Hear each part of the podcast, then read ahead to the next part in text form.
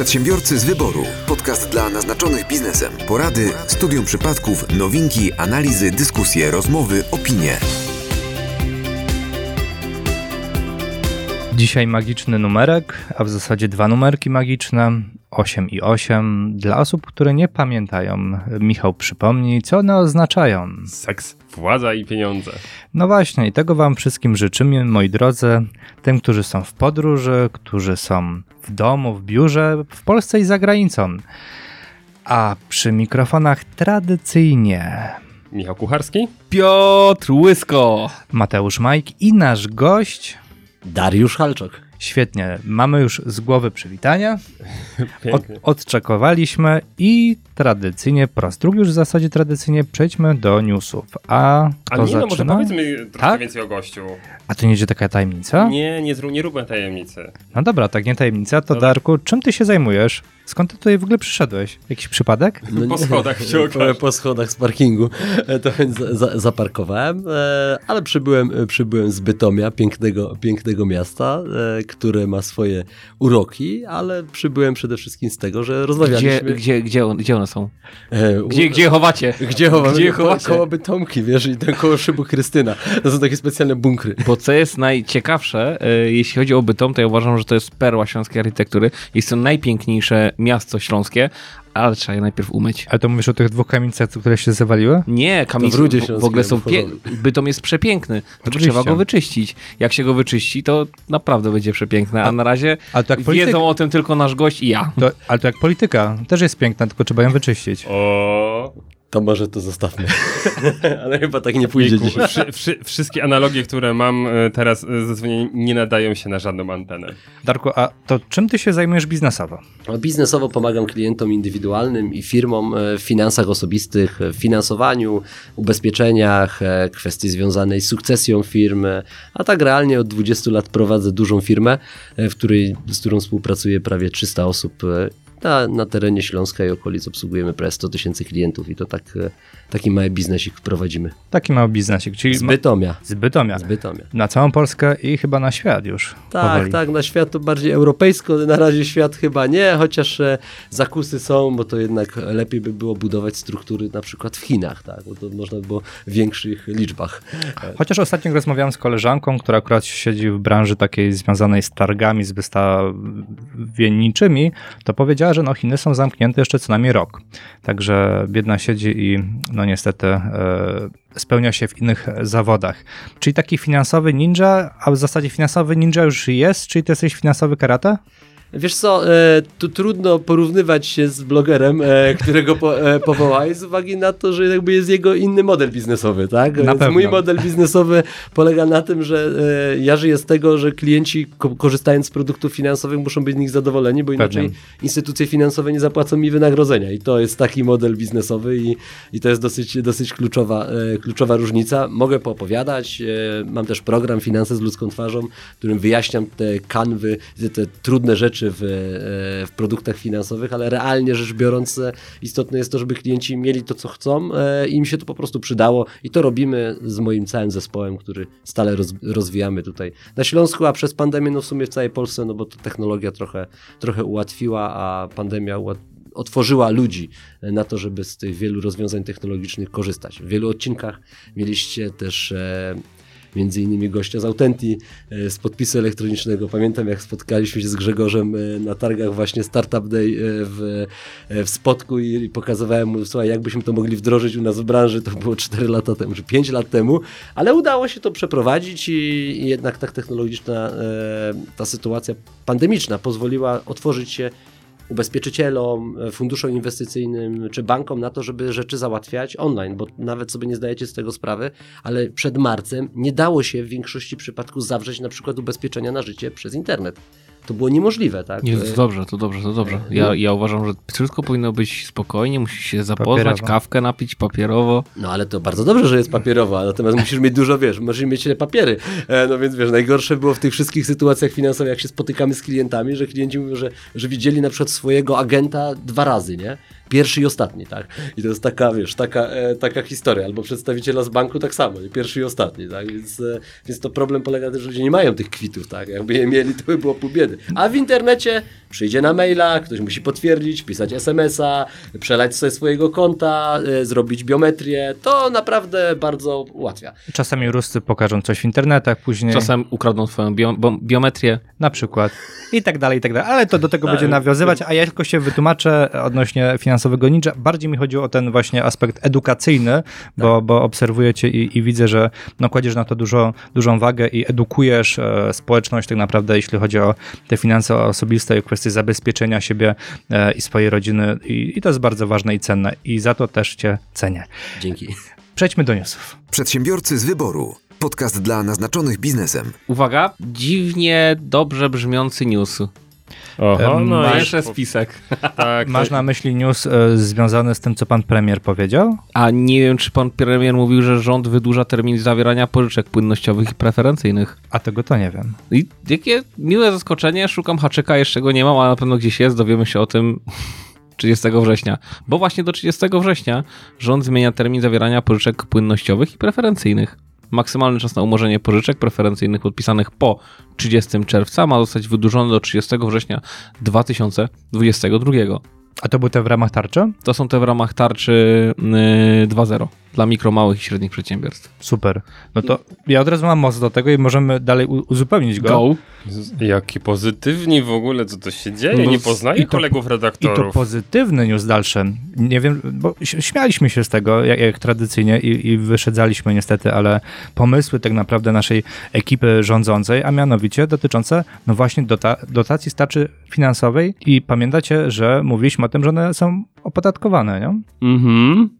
I wczoraj na takim prawie orędziu pan minister, pu, pan premier w tym przypadku, przepraszam, poprawia się, pan premier Mateusz Morawiecki ogłosił, że nie będzie podatku od umorzenia części dotacji starczy. Dobrze, to ja bym chciał powiedzieć, dopóki nie zobaczę aktów prawnych, które nie tylko to wprowadziły, ale jeszcze potem w życie, tak? Bo ustawa i rozporządzenie do tego, to Nie, generalnie... ogłoszenie, ogłoszenie na konferencji prasowej Jest to wystarczające. Dokładnie. Z ustawą. Mateusz, kluczowe pytanie, było na slajdzie?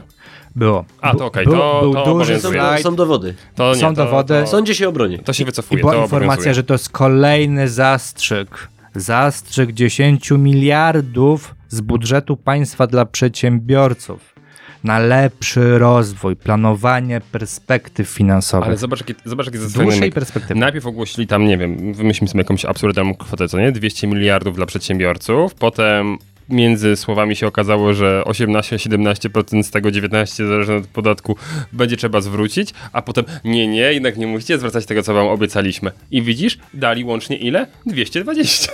Już 240. A no tak, oczywiście, tak. Także widzicie? Jak Mają ładnie? gest. 240. To widzisz, tak właśnie się pieniędzem rozmnaża. No. Ale wiesz, jak obniżą podatek, to wtedy będzie mniej do, e, mniej, mniej do umorzenia, nie? Tak. Przedsiębiorcy z wyboru. Podcast dla naznaczonych biznesem. To jak jesteśmy przy wesołych newsach i przy pieniądzach, to informacja. Proszę. Bo mógłbym zrobić most do tych no, newsów rządowych, ale się specjalnie powstrzymam, bo to nie jest wesoły news. Także to zostawię sobie na drugą sensie ten część. nasz, czy ten? Aha, Nie, nie, ten mój. rozumiem. A z wesołych newsów, jak mówimy o pieniądzach, to jak donosi Mam Startup, właśnie rusza trzecia edycja konkursu dla startupów Startuj z Mazowsza.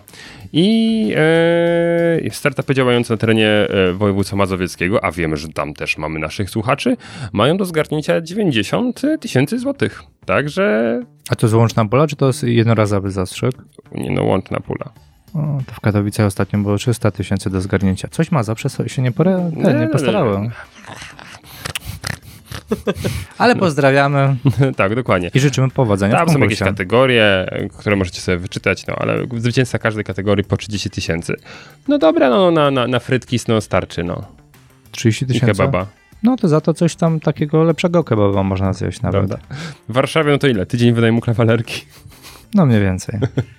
Nie, ale nie no, my sobie tutaj troszkę yy, ciśniemy, ale jak najbardziej, jeśli ktoś ma jakiś pomysł, to tak, to jest konkurs. Ja, ja zawsze mówiłem, że konkursy to zawsze dość łatwy pieniądz do pozyskania, Czekaj, czekaj, rundy 30 są tysięcy, tak? 30 tysięcy na, na kategorię. E, To, są To, trzy kategorie, to więc jest tyle samo, co można dostać dotacji na otwarcie firmy z Powiatowego Urzędu Pracy. tak, a myślę, że łatwiej. W sensie z pupu? No umówmy się, z pupu trzeba napisać prosty biznesplan, e, ostatnio go Ale- czytałem, Ale musisz się 10 wbić, zdań, ale musisz się wbić w e, bycie bezrobotnym, w terminy. to nie jest trudne. No nie, niektórzy, niektórzy mają Mają otwarty nabór ciągły. Myślę, że Warszawa jak będzie miała nabór nabory. nieciągły. nab- nabory czasowe. To sprawdźcie i zobaczcie, gdzie będzie łatwiej i szybciej, dajcie znać. Tak. No ale ja myślę, że tutaj też kwestia, y, PUB ci nie zrobi rozgłosu, bo nie mówi, o daliśmy dotację tam na jakąś firmę, tylko bardziej tutaj myślę, że będzie solidny y, branżowy hype wokół tej firmy, więc myślę, że przede wszystkim y, tutaj bym To jest dostrzegał. nagroda. Tak, to, to, to myślę, że jest faktyczna nagroda. Przedsiębiorcy z wyboru. Podcast dla naznaczonych biznesem. A propos przedsiębiorców, to, to mam takiego newsa e, dotyczący, dotyczącego PPK, no bo pewnie już słuchacze mieli do czynienia, albo, albo im ktoś księgowy powiedział, że wszystkie firmy miały wejść do PPK i, e, i co się okazało, że rządowy pomysł był taki, że zmusimy przedsiębiorców, żeby odkładali dla pracowników e, pieniądze. E, Ludzie zatrudnieni w firmach nie do końca wiedzieli o co chodzi, więc partycypacja, czyli to uczestnictwo jest na poziomie 23% łącznie osób, które, które mogłyby odkładać, a przedsiębiorcy zapomnieli o jednej, o jednej rzeczy, że jako osoby, które prowadzą działalność, też mają prawo do korzystania z podobnego programu, ale z ulgami. I to jest taki dosyć, dosyć ciekawy temat. W 2012 roku uruchomiła się ustawa dotycząca IKSE, z indywidualnych kont zabezpieczenia emerytalnego, ale one z emeryturą mają troszeczkę wspólnego, bo tak naprawdę są formą ulgi podatkowej dla przedsiębiorców. I to jest dosyć e, ciekawa sprawa bo można odzyskać e, rocznie praktycznie podatek e, od kwoty, którą się na te X wpłaci. I dla przedsiębiorców w związku z tym wejściem tego PPK od tego roku limit jest prawie 9 tysięcy złotych. To oznacza, że jeżeli sobie odłożysz 9 tysięcy, no to to odpisujesz od, e, od dochodu. To Okej. powoduje, że przy 32% skali podatkowej masz ponad 2000 zł do zwrotu. To jest tak, jakbyś włożył pieniądze na lokatę na 50 lat, więc e, e, to jest e, mega, mega, mega sytuacja. I to jest wzrost Urzędu Skarbowego i to jest jedyna ulga, która na picie liniowym też funkcjonuje i ją można sobie odliczać i to jest dosyć, dosyć ciekawe podejście. Nie tylko podejście takie przedsiębiorcze, ale taka wersja, że okej, dobra, no coś mi tam z biznesu zostanie, to mam tą kasę, mogę sobie wybrać różne instrumenty finansowe, to mogą być obligacje, fundusze, różne, różne rzeczy, tych instytucji jest e, kilka, ale największa funkcja, zwrot z podatku, tak? Wpłacasz, dostajesz zwrot z podatku. Jak nie wpłacasz, no to nie masz zwrotu.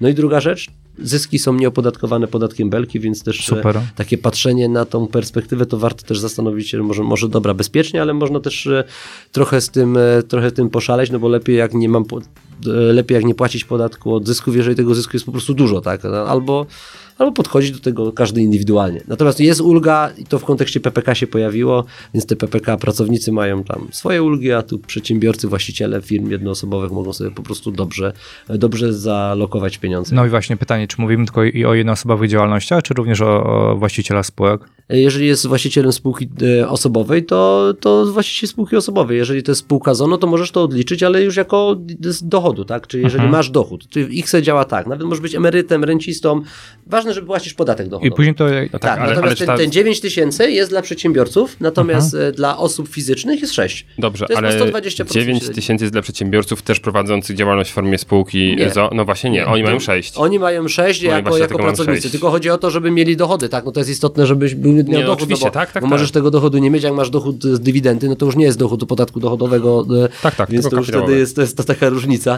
ale dosyć, dosyć, dosyć kluczowa. Natomiast no fajnie, bo tu też emeryci z tego korzystają i to jak ma się dużą rodzinę, to można naprawdę uzbierać e, dużą pulę, e, żeby się nie zastanawiać, jak, jak środki ulokować, wiesz, że jest mąż, żona, e, dzieci, czy tam babcia, dziadek, czy tam rodzice i ludzie nie wiedzą, ale można założyć, nawet będąc na emeryturze. Jest taka forma sukcesji też środków i to tam 50-60 tysięcy rocznie, no to nie jest wcale mało, tak? Pewnie. Jak się I, uzbiera tam i widzisz, i w, lat. i w tym momencie zapisuję sobie, żeby dać znać moim rodzicom, że oni też powinni mieć X.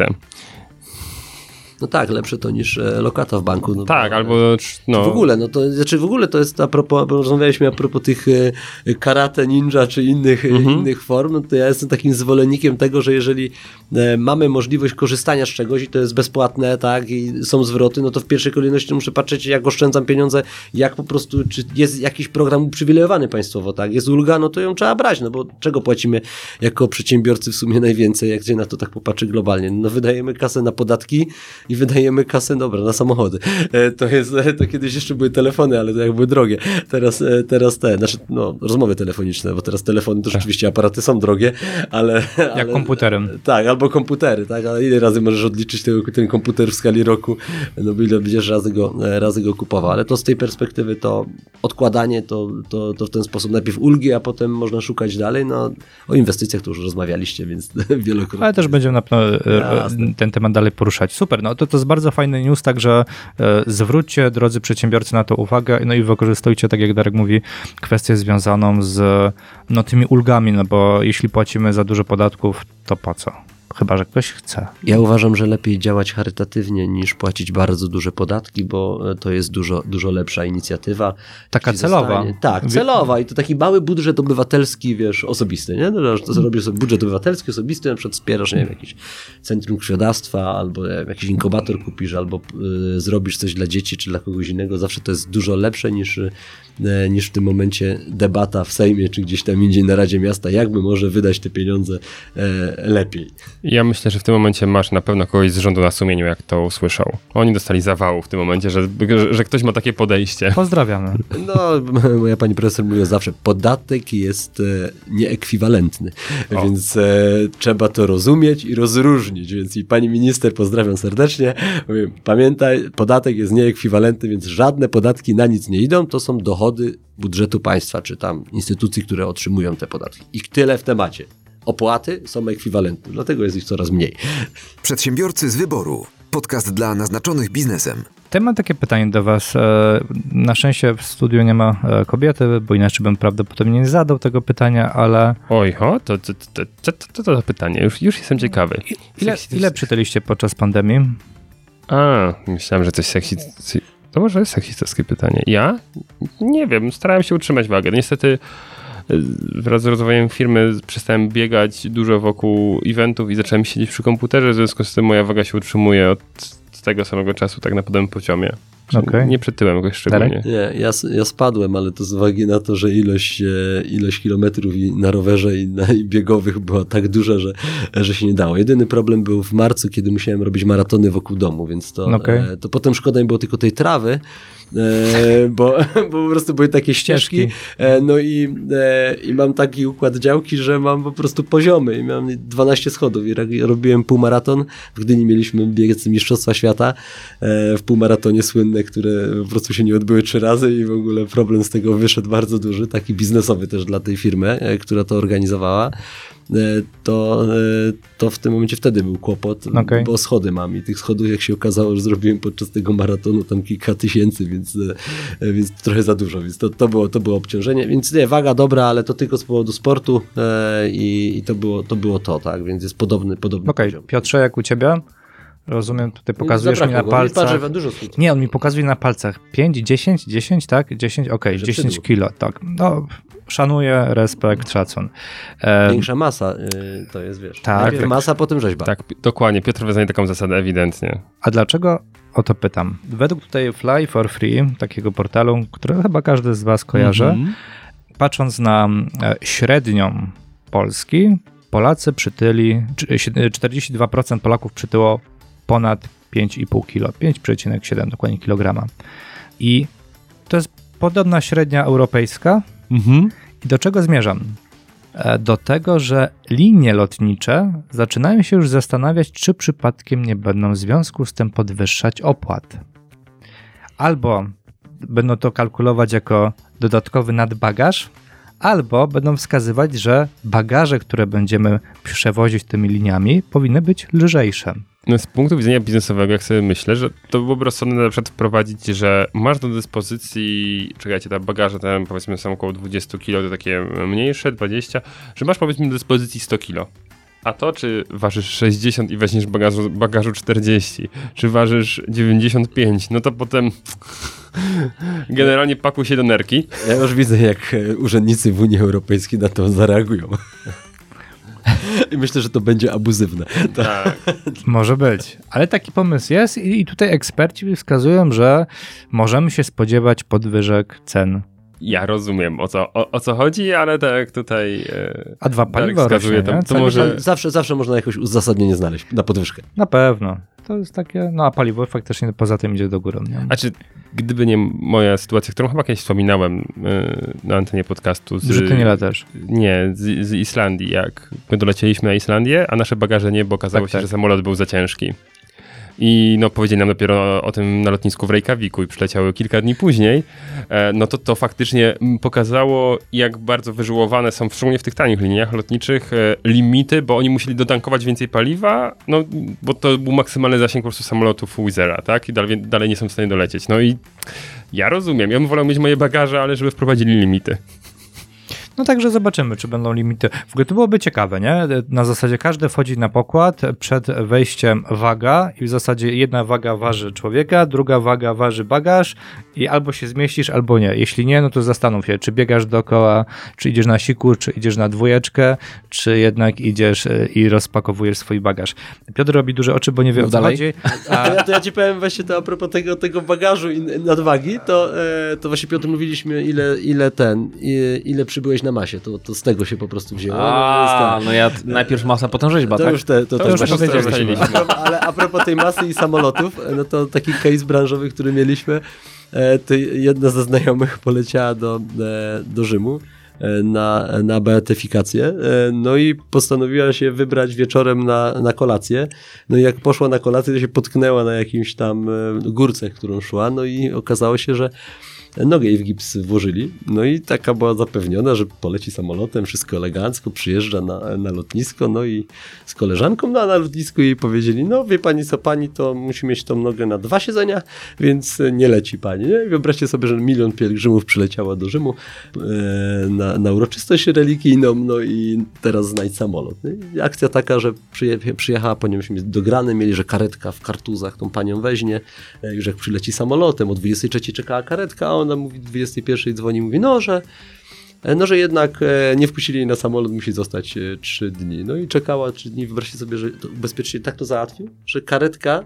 z Kartus jechała do Rzymu z lekarzem, dojechała, no bo to było taniej niż zorganizować jakikolwiek bilet, e, żeby mogła medycznie przelecieć. I Tak, karetka i- przewiozła, e, pojechała, wrócili, ładnie, z nogą do góry, z koleżanką, miała tam dwa dni załatwione, ale już wiemy, że, e, że ten nadbagaż to wiesz, widzisz, no to taki gips może zrobić dużo, więc jakby cię tam gdzieś za granicą mieli gipsować, to lepiej ortezę niech założą, jakieś usztywnienie, bo jest dużo lepsza szansa, że, że Protezę. Ale ja pamiętam, że jakiś e, takich przypadków e, medycznych, ubezpieczycieli i tak dalej, i tak dalej, to jakiś polski, któryś polski siatkarz e, miał złamanie którejś kończyny i miał ją śrubowaną we Włoszech.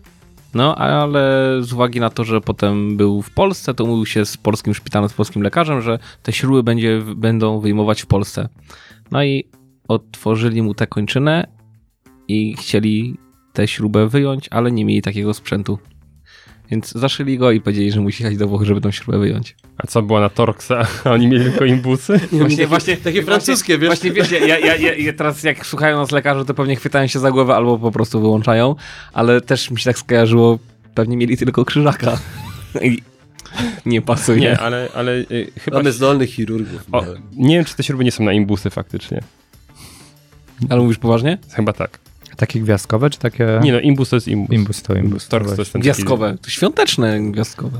Nie A wiem, może tak- wielkanocne. Ja- Jak mi wkręcali w kolano, to tak sobie oglądałem, ale może tylko to były jakieś takie fejkowe zdjęcia. Okej. Ale tak. Myślę, że na żywo, wiesz. E, nie, bardzo poprosiłem, żeby mnie uśpili, żebym nie widział tego, bo ogólnie przy operacjach na nogach to Podeszli, może, możecie być przytomni, ale ja bardzo nie chciałem. Ale ja miałem też operację łokcia, na której byłem, obudziłem się i czułem i mogłem zobaczyć. Piotrze, Ale- ja Czułeś? wiedziałem, że ty zawsze Że Nie czułem, ale miałeś. mogłem zobaczyć. Nie chciałeś. Nie chciałem. No, też tak myślę. Nie, nie, ortopedia to jest podobno taka rzeźnia. Ja, czyli ja potem jak się dowiedziałem, że tam są w użyciu młotki i wiertarki, stwierdziłem, że nie chcę widzieć, co oni robią. Wolę się już po prostu obrudzić. Przedsiębiorcy z wyboru. Podcast dla naznaczonych biznesem. Wiem, że tutaj dwóch panów jest jeszcze e, bezdzietnych, to za chwilę będzie do was pytanie. Darku, jak u ciebie? Coś tam, jakaś progenitura? Tak, tak, dwóch synów. O. E, Świetnie. I, I trzeci w drodze. i czy, czy, jejku, doskonale. Wpisujesz się. Doskonale. To teraz pytanie, e, ja i jedna córeczka. I teraz pytanie do nas wszystkich. Co musiałoby się stać w naszym kraju, żebyście zdecydowali się na czwórkę lub więcej dzieci? Jakie sądzicie, że powinna być prowadzona polityka prorodzinna? No nie ma zero, no to co się będzie wypowiadał. No, ale, ale nie, ale To mogę... ale, się narobić. ale nie, nie, nie, ale e, e, nie, na mnie nie działa coś takiego jak polityka prorodzinna. Na mnie też. Ja uważam, że czegoś takiego nie ma. Jeżeli polityka jest prorodzinna, to znaczy, że każdy ma możliwość. Znaczy, mówię niestety, ale uważam, że w dużej mierze posiadanie dzieci w Polsce jest skorelowane z sytuacją finansową rodziców. No, no może jestem brutalny, ale, ale ja tak uważam i, i, i, i gdyby polityka nie prorodzinna, ale w ogóle fiskalna na przykład kraju zezwalała ludziom na polepszenie y, swojej, swojego bytu, to żadne szczególne, nie wiem, 500 plus czy cokolwiek innego nie zachęciłoby tak dobrze, jak dobra polityka fiskalna kraju, a To nie po- prorodzinna. To, to powiem ci, jest dobra, dobra w cudzysłowie e, polityka e, fiskalna w Niemczech, bo ostatnio miałem taką dyskusję ze z koleżanką, która była u nas gościem em, i jak to wygląda w Niemczech? Mm, Mają różne stawki podatkowe, ale między innymi też związane z tym, czy jesteś singlem, czy masz rodzinę, Bykowe. o, czy masz dzieci. Ale u nas z powodu To jest dobre, to naczelnego jest dobre. kawalera nie będzie bykowe, jest bykowe nie wejdzie, ale powiem wam, e, jak rozwiązali problem w Luksemburgu. No. E, bo to a propos tej polityki prorodzinnej, e, to jakbyście mnie zapytali, co by mnie zmotywowało, no do, do trzeciego dziecka zmotywowała nas e, chęć po prostu zrobienia czegoś więcej. No siedzieliśmy sobie podczas ro, rocznicy ślubu. E, I stwierdziłeś tak, kolacja jest, kino było, No, no to hop.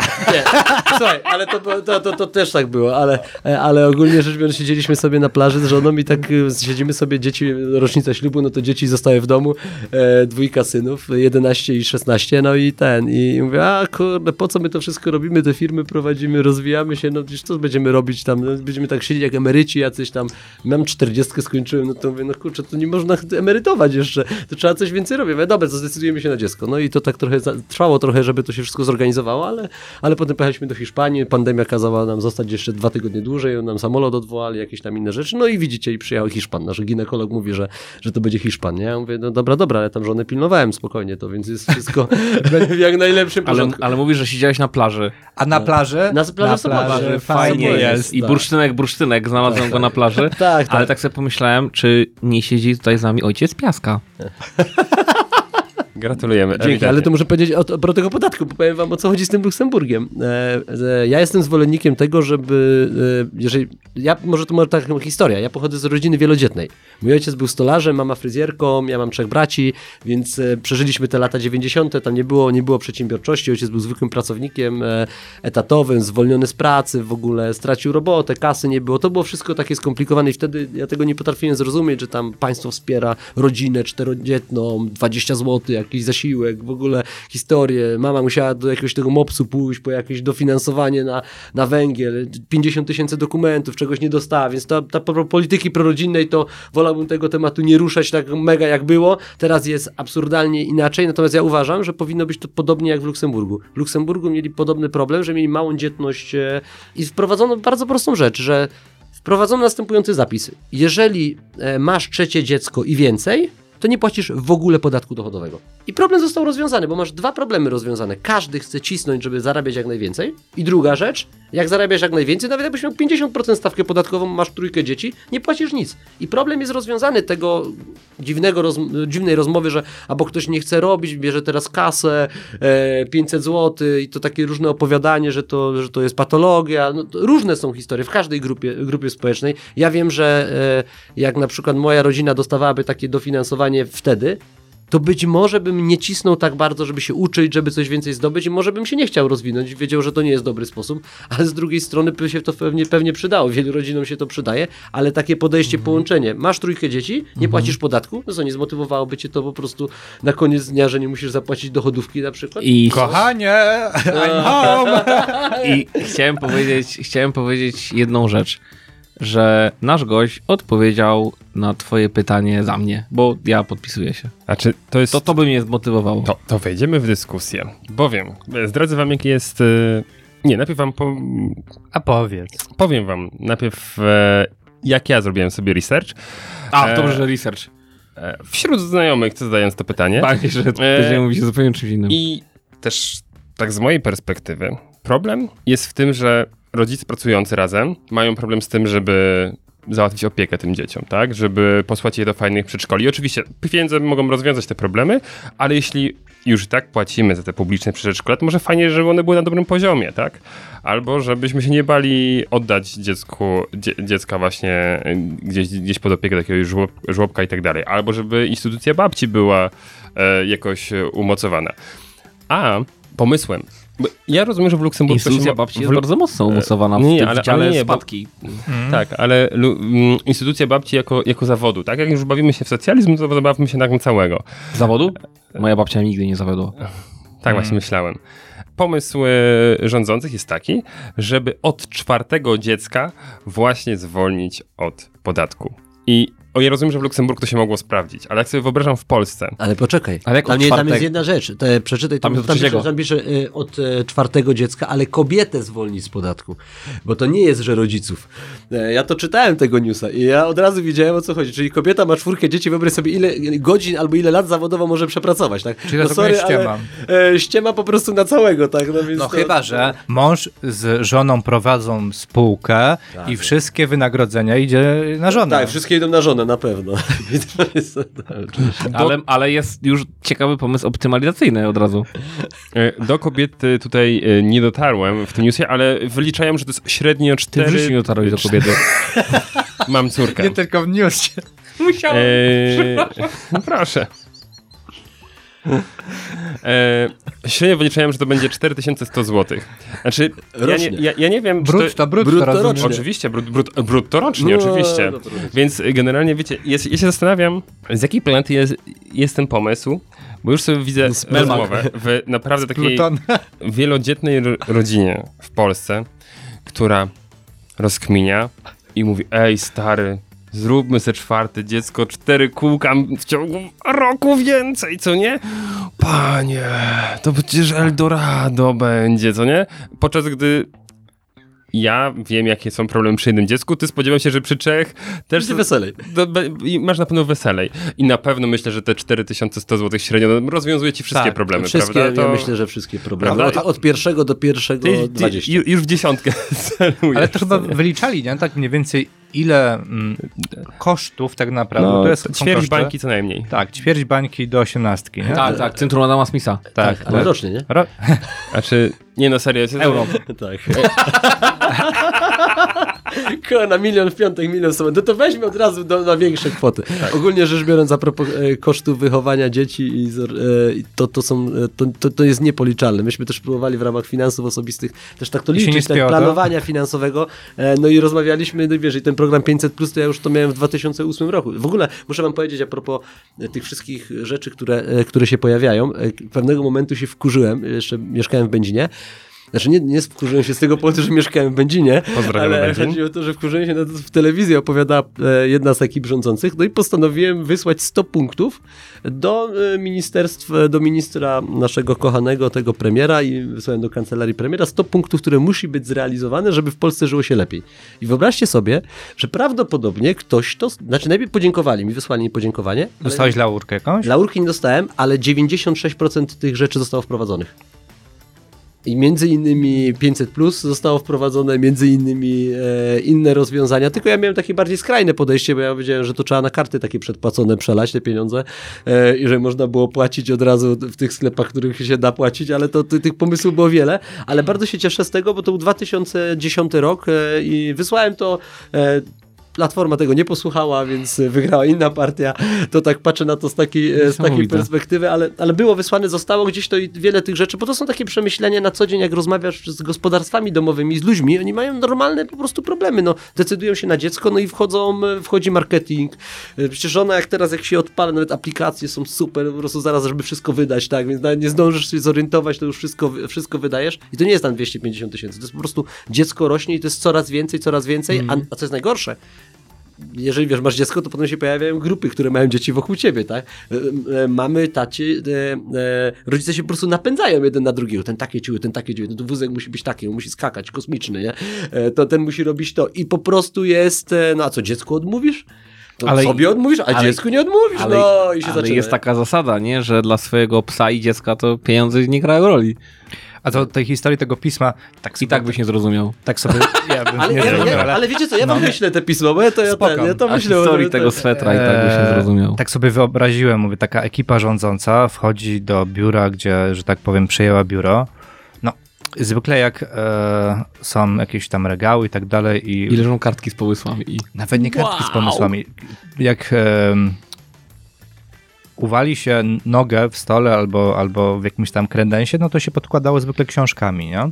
No, tam wątpię, że jakieś książki były w tym ministerstwie, więc no, mamy kupę dokumentów, jakieś takie nie wiadomo skąd, no to po, tam, wiesz, po, podłóżmy. No i ta ekipa może zaczęła czytać, co tam w tych dokumentach jest. A może, wiesz, odkryli, może do tej, wiesz, do kancelarii tajnej to było. E, tej, co weszli e, zanim ten z NATO tam zamknęli. No właśnie. I tam między innymi była twoja, e, twoje pismo. Ale wiesz dlaczego, jakbyśmy kupowali budynek e, w Bytomiu, e, biuro, to właśnie kupowałem od firmy, która woziła e, te, tajną, tajną, e, tajną makulaturę wojskową i mieli po prostu kancelarię tajną. Mamy takie jedno pomieszczenie, tam też nagrywamy różne rzeczy, drzwi specjalne, antywłamaniowe, przeciwpożarowe i tam jest taki safe i taka specjalna plomba. No i jeszcze w życiu nie próbowaliśmy tego zamknąć, bo jak to zamkniemy, to pewnie tego nie otworzymy, tak? Jeśli kurna czołgiem jeździć, to a propos tych kancelarii tajnych, więc ja już to, to wiedziałem, więc to, to jest po prostu, wiesz, mole zjedzą, albo tak w Krakowie, nie? Widzieliście, jak ostatnio rozwiązali problem z dokumentacją w Krakowie w urzędzie? Aż Był się duży pożar po prostu. bar, bardzo się E, boję. To był pożar taki był i to Mhm. po prostu się spaliło. No i jakoś się okazało, że nagle najnowsza po prostu archi e, archiwum z najlepszymi systemami przeciwpożarowymi i się spaliły. Dokumentacja przetargowa, różne rzeczy takie. e, Nie może takie. być. To jest aż, aż po prostu niesamowite. Aż się w głowie nie mieści. Nie mieści, no kurczę, wa- że Wawel podpalają. No, szok. E, wracając do newsa dzieciowego, bo chciałem tylko podkreślić, bo Te cztery zwróćcie tysiące uwagę, dokładnie, że, zgłoszonych, że nie, nie, nie, że, te, Nie. że kto wpadł na pomysł, żeby adresować to do gospodarstw, no, od czwartego dziecka. Bo ja sobie znalazłem specjalnie do tego newsa też statystyki. tak. Proszę. E, w Polsce mam na 100% gospodarstw domowych 65% jest bezdzietnych, tylko 35% ma dzieci. Okej. E, I co ciekawe, 52, 52,5% to są gospodarstwa z jednym dzieckiem, 36,7% z dwójką dzieci, 8,4% z trójką dzieci i powyżej, no to to jest ta, to jest, to jest ta reszta. To zobaczcie, jak wąsko jest targetowany ten program.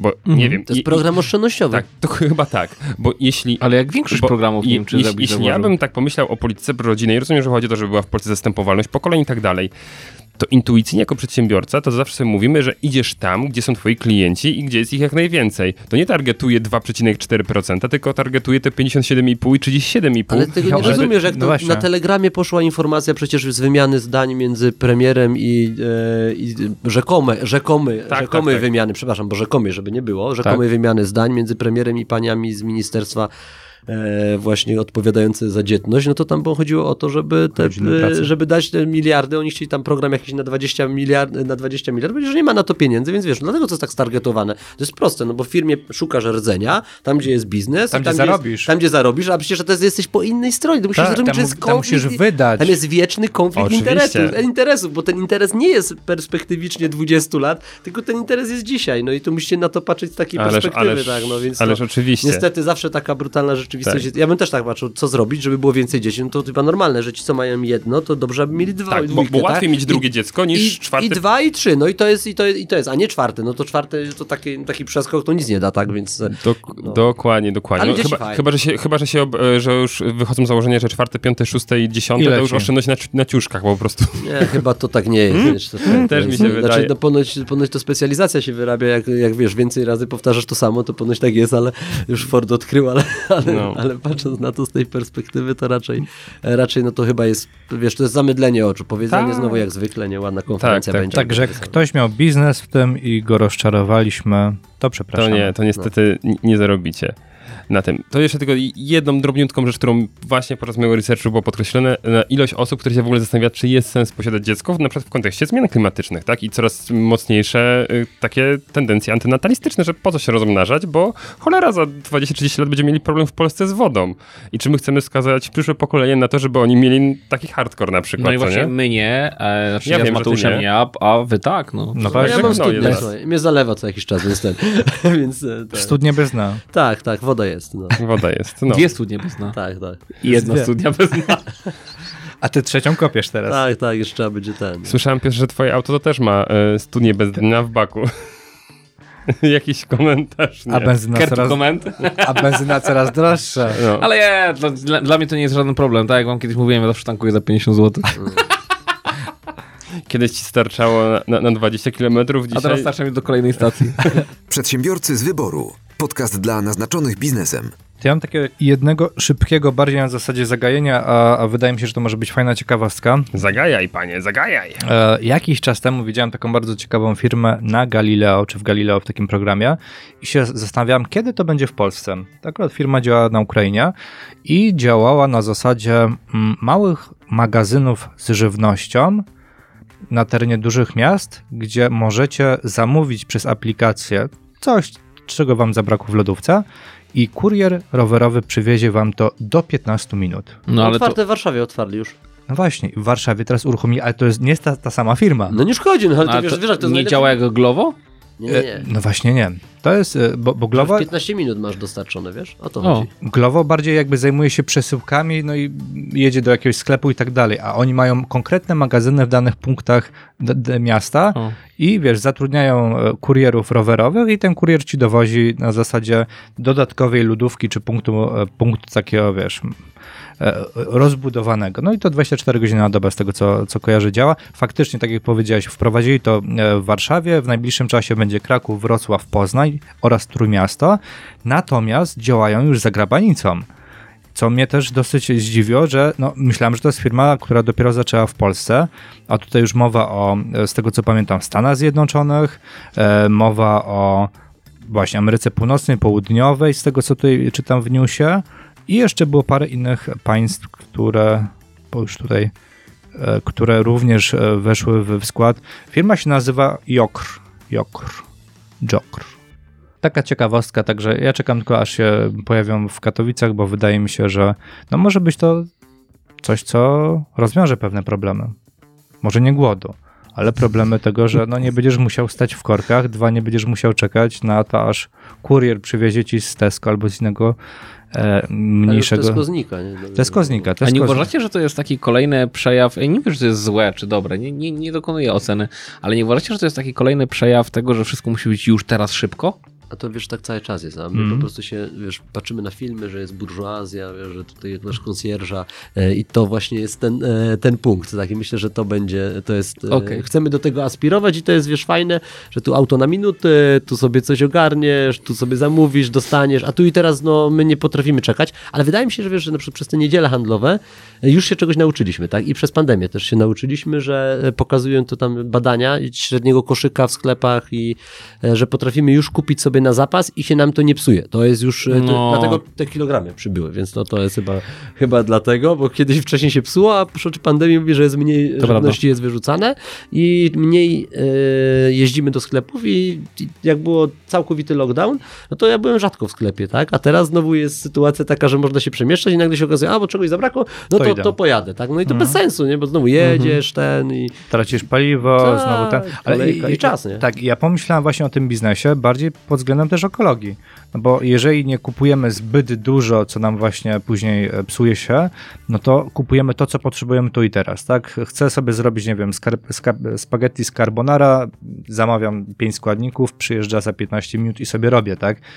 I nie potrzebuję dużo więcej rzeczy tak naprawdę. Ale zobacz, jak to wpłynie na biznes znowu restauracyjny. Oczywiście. Bo to jest właśnie taka rozmowa, jak rozmawialiśmy, jakie branże będą pandemicznie się rozwijać. No to Znaczy, na- zaraz, zaraz był temat taki, że najczęściej naj- pójdą te wszystkie roboty, różne kuchenne, inne, e, inne rzeczy, bo ludzie będą gotować w domu. I teraz wiesz, to, to znowu ułatwia. Znaczy, To jest w sumie fajnie, bo gotowanie jest fajne, przyjemne, romantyczne w ogóle i, i super można, e, można Jezu, spędzić to czas. zaś dzieciach. No to nie o dzieciach, wiesz, że wiesz. O tak, piasku, tak. o Znaczy, wiesz, piasku. to, dzie, wiesz, a dzieci są fajne, bo na przykład wiesz, jak nie chcecie e, robić śniadania dla dzieci albo obiadu, no to jak wytrzy- odpowiedni długi czas e, wytrzymasz, to one ci zrobią. No widzisz. To jest, to, to już taki jest moment normalnie. Piotrze, to jest No, kuszące. to Trzeba pomyśleć, no Tylko e, to, czego Darek nie dopowiedział, odpowiednio długi czas to około 20-25 lat. Nie, nie, to, słuchaj, nie, już od 8 lat. Słuchaj, pierwsze, pierwsze danie, które dostałem w Będzinie, jak mieszkałem od naszego syna, no to było śniadanie, po prostu chleb z marchewką i z, i z ogórkiem. Ta marchewka takie w taki kwadrat, taki prostopadł ściany, pokrojona. więc Stare, to- zdrowe śniadanie, Zdro, no. Zdrowe śniadanie, no ale pszenica, pszeniczny chleb, więc spokojnie.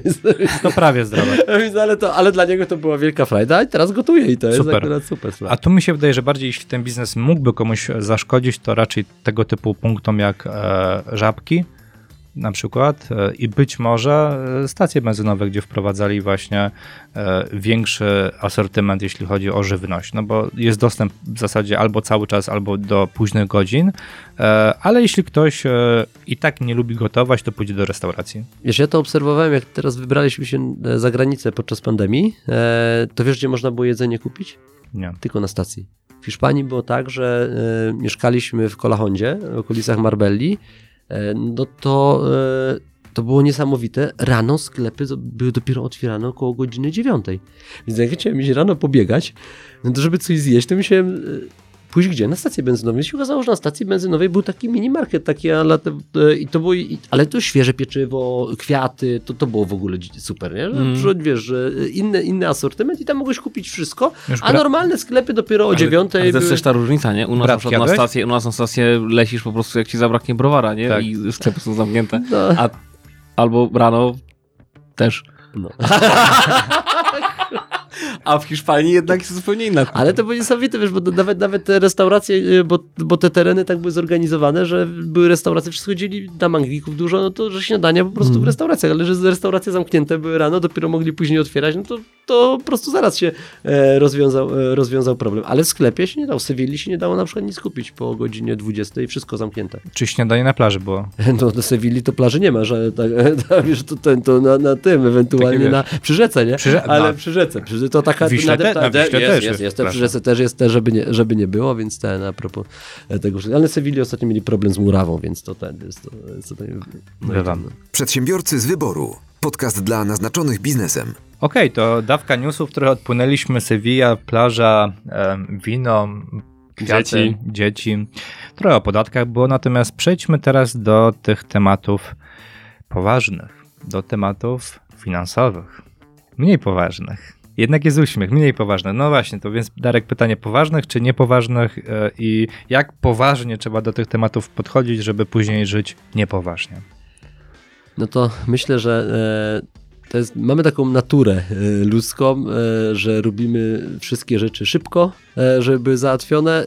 Nie lubimy brać na siebie odpowiedzialności i najlepiej, żeby za nas ktoś coś zrobił. Zwłaszcza przedsiębiorczy mają taki, taki pomyślenie, że dobry przedsiębiorca no, ma wszystko zdelegowane, wszyscy wszystko pozałatwiają. A ja tu mam takie uznanie takie bardziej, e, bardziej prawnicze. Prawnika też warto mieć dobrego, e, natomiast e, Piotr, nie słuchaj. na, na początek, na początek istotna, jest, istotna sprawa jest taka, jeżeli kupujesz jakiś produkt finansowy, to musisz go rozumieć. Jeżeli go nie rozumiesz, to po prostu nie kupuj. Albo większość osób nie rozumie tych Nie, produktów. nie rozumie, ale to nie jest ich wina, że tego nie rozumieją. To jest kwestia taka, że nie było edukacji odpowiedniej, ale też po prostu żyjemy szybko i chcemy te rzeczy szybko zrobić. Więc ja jestem zwolennikiem tego w finansach osobistych, żeby zrobić analizę potrzeb, ustalić, co jest ważne, jakie są punkty istotne. No ostatnio debatowaliśmy na temat finansowania samochodu dla przedsiębiorcy. Pamiętam. Tak. No i rozmowa, no, ty mi coś mówisz, że zadaję ci pytanie, co to za pytanie, nie? No i, i człowiek, po co takie pytania są zadawane? Ale właśnie te pytania pozwalają na koniec podjąć decyzję, która będzie najbardziej optymalna dla danej osoby, bo nie ma jakichś takich szablonów. Uniwersalnych. Dobra, nie wiem, Mhm. 30-latek w takim wieku, w takim zawodzie, to on może mieć takie rozwiązanie. Są pewne rzeczy wynikające z e, etapów życia, to już dawno określone, nawet na to ISO jest w Szwajcarii, Notabene ISO 22222 to takie mądre. Próbowaliśmy to w Polsce wdrożyć. No to jak zadzwoniłem do, do komitetu tego e, notyfikacyjnego tej ISO, no to pani mi powiedziała, no to jakby pan na przykład tą normę sobie ściągnął ten ze Szwajcarii i by pan nam ją przetłumaczył, to my byśmy to mogli panu za 3000 znotyfikować, nie? Ja mówię, no super, no to, no to super, to ISO. Wprowadzam. No to, to, wprowadzamy. No oczywiście, że wprowadzam, wdrożyliśmy to u siebie, natomiast no nie mamy ISO, no bo po prostu nie ma kto tego e, zatwierdzić, tak? I takiej certyfikacji zrobić w Polsce, no taki absurd e, pod tym względem, ale jest to nazwane. Mamy okres dzieciństwa, gdzie my wydajemy na dzieci, rozmawialiśmy o dzieciach, tak? Mamy okres, kiedy się edukujemy, e, mamy okres, kiedy zaczynamy e, działania, tak? Zaczynamy pracę, biznes, no jest ten taki okres, e, kiedy aktywnie działamy zawodowo, no i potem musimy z tego żyć, tak? No i, i tak de facto na, tych, na tym różnych okresach mamy różne potrzeby i ważne, żeby sobie na to popatrzeć tak bardziej z lotu ptaka, jakie rzeczy są strategicznie ważne. Bo to nie chodzi o to, czy ja za konto osobiste płacę 0, czy 5 zł, czy 7 zł, czy 10 zł, bo to nie ma żadnego znaczenia. Ale ma znaczenie na to, czy jak biorę kredyt hipoteczny, który mnie, nie wiem, będzie kosztował przez 30-40 lat milion, czy 2 miliony złotych, no to tam ma to znaczenie, tak? E, czy ja się chcę przywiązać do danego miejsca. To są takie decyzje, decyzje życiowe i i żeby móc żyć tak sobie spokojnie, no to trzeba wiedzieć, na czym się stoi. To jest pierwsza rzecz. No i druga rzecz, przynajmniej raz na miesiąc warto by było spojrzeć na to wszystko, czy to robimy celowo. Ja wiem, że to się może robić nudne. My jesteśmy społeczeństwem takim bardziej no szabelka i do boju i to te, tego typu Hurra! Tego, te, hurra jest po prostu, no ale dzięki temu no społeczeństwo takie jest dzisiaj. Czesi, Słowacy inaczej funkcjonują, Niemcy inaczej funkcjonują, więc my po prostu musimy popatrzeć na to, co chcemy i się na tym skoncentrować i trochę czasu na to poświęcić, bo naprawdę zainwestowanie godziny, dwóch godzin spotkania z doradcą, zapoznania się z tym tematem, przeczytania tego, co tam zostało przedstawione, to naprawdę nic, nie, e, nic się złego nie stanie. Ale złe źle się stanie, jeżeli uwierzymy na słowo, albo będziemy tak myśleć, że to jest. Nie chodzi o, szukanie dziury w całym, ale lepiej rozumieć i to, i to jest, to jest pierwsza, pierwszy punkt. Płacić mniejsze podatki, budować rezerwę finansową, największe, najdroższe rzeczy dobrze sfinansować, a dla przeciętnego przedsiębiorcy, dla przeciętnej osoby trzy rzeczy są bardzo drogie w życiu. Pierwszy temat to jest emerytura, no bo musimy z czegoś żyć na emeryturze. No i jak sobie to prosto policzymy, no to jeżeli byś chciał, nie wiem, 5 tysięcy mieć miesięcznie na emeryturze i przeciętnie będziemy żyć, nie wiem, 20-30 lat, no to potrzebujesz z półtora miliona zebrać. No i teraz, no to trzeba zebrać przez lat, a jak pracujesz, no to jak masz 25 lat, no to nie jest to twoje największe marzenie, że o to może sobie będę odkładał połowę mojej pensji e, na to, żeby, albo moich dochodów, żeby mieć za 40 lat na emeryturze pieniądze. Więc są inne rzeczy. Auto sobie kupię, może, może pojadę gdzieś na wakacje, może sobie mieszkanie. Drugi temat, mieszkanie czy dom. Dobre sfinansowanie tego, bo tam jest też kilkaset tysięcy, które można zaoszczędzić. No i trzeci temat, o dzieciach rozmawialiśmy, czyli jak sobie to poukładać, żeby te wykształcenie dzieci, te wydatki, one były rozkładane w czasie odpowiednio, bo to taki problem jest dzisiaj. Zobaczcie, no jeżeli my nie robimy nic w kierunku na przykład odkładania na naszą emeryturę, no to realnie rzecz biorąc, e, żyjemy na kość naszych spadkobierców, naszych dzieci. No bo jeżeli dzisiaj przeciętnie ta wiek się przesunął, ten e, urodzenia dziecka do 30 lat, no to przecież to jest taka, taka prosta matematyka. No jeżeli ja dzisiaj mam, e, nie wiem, 40 i dzie- dziecko mi się moje rodzi, tak, no to, to jak ono będzie miało e, e, 18, no to ja będę miał 60 prawie, tak, no to ja będę się zbliżał do emerytury, będę chciał odłożyć na emeryturę, a tu będę musiał sfinansować dzieci, nie, no i tu się robi problem, tak. Taka sama sytuacja, jak dzieci rodzą w wieku 30 lat, no to jak będę miał 50, tak? No ale to jak będę miał 50, no to jak y, urodziło się dziecko, no to chcę mieć większe mieszkanie, większy dom, no to, to pewnie jakiś kredyt, jak mam kredyt, to mam raty, dzieci przedszkole i nagle wpadam w sytuację takiej wielkiej górki finansowej, którą muszę wydać i to jest między 30 a 45 rokiem życia i to jest mega ważny temat, żeby w tym, y, w tym znaleźć trochę umiaru i, i szukać po prostu oszczędności, szukać ulg podatkowych. To prosta rozmowa, e, godzinna wystarczy, żeby znaleźć te obszary i się po prostu edukować w tym zakresie. Na pewno to nie przeszkodzi. Ale cisza zapadła, czy grobowa. To jest Nie, bo temat jest y, ultra szeroki, więc ni, na, na, nawet ciężko mm, go zacząć w którymś miejscu. No dobra. E, to ja, gdy powiedziałeś o tym, że trzeba rozumieć instrumenty finansowe, mm, też inwestuję i się zastanawiam właśnie, jaki stopień zrozumienia dla ciebie jest e, mm, okej, i- bo rozumiem, że jest stopień rozumienia taki powiedzmy jak osoba jak ty si- siedząca w branży, gdzie powiedzmy znasz też te takie drobne kruczki, a jest też taki stopień powiedzmy mam wrażenie przeciętnego, świadomego inwestora, tak? No to dobra, to patrz, to, to już ci daję przykład. Okej. Przepraszam, że ci przerywam, Mhm. ale, Jasne, ci ale ale, o ci daję, ale wiesz, ale to żebyśmy- daję ci, daję, daję ci przykład. Jak idziesz do sklepu ty, y, i widzisz minus 70%, to co robisz? Znaczy ja wiem, że tam jest haczyk. Bierę! A co robi twoja żona? Bierę! Kupuje, nie? Znaczy, Kupuje, tak? Jeżeli, jeżeli Piotr. potrzebuje, Nie, to ja może wiem, ja wiem, że bo chodzę z żoną no od Michała właśnie, też na zakupy. dokładnie. Co? Kupuję. e, Ja byłem ciekawy, dlaczego Łysy wie, co robi moja żona, ale zostawmy to sobie na dyskusję. Jest sobie tylko wyśledzenie SMS-a, no. Dobra, no widzisz, no dobra. Ale widzisz, jest, jest, jest, jest tanie, jest przecena, no, marketingowo tak działa, no to kupuję, tak? A jak widzisz na przykład, nie, kupiłeś jakieś akcje i one nagle ci spadają o 70%, to co robisz? Czekam. No dobra, czekasz, ale to, to, to tak, ci, tak mówisz, że czekasz, tak, ale w praktyce to wygląda tak, że ten poziom bólu jest różny u różnych osób. I tu a propos e, kwestii, e, kwestii finansów osobistych, chodzi o to, żeby sobie odpowiadać na proste pytania. E, Bo, bo zobacz, przyjdziesz do e, osoby, która sprzedaje produkt finansowy, załóżmy jakiś inwestycyjny. No to co będziesz mógł usłyszeć? Mówię, że mój produkt jest tam najlepszy, przyniesie największe stopy zwrotu i pokazuje ci zyski historyczne czy inne rzeczy. A ja się pytam klientów w bardzo prosty sposób. Jak pan by wolał? Zwykła jest tabelka efektu procentu składanego. Odkładasz sobie 250 zł, jeżeli będziesz sobie to odkładał przez 40 lat, no to na 2% tam będziesz miał półtora razy więcej niż wpłaciłeś. To jakbyś wolał taki produkt mieć gwarantowany, czy może taki, który będziesz miał z tych 250 zł milion, i teraz jakbym się na tym zatrzymał, to co byś powiedział, nie? No bo chciałbyś milion, nie? Ale z możliwością utraty całości kapitału?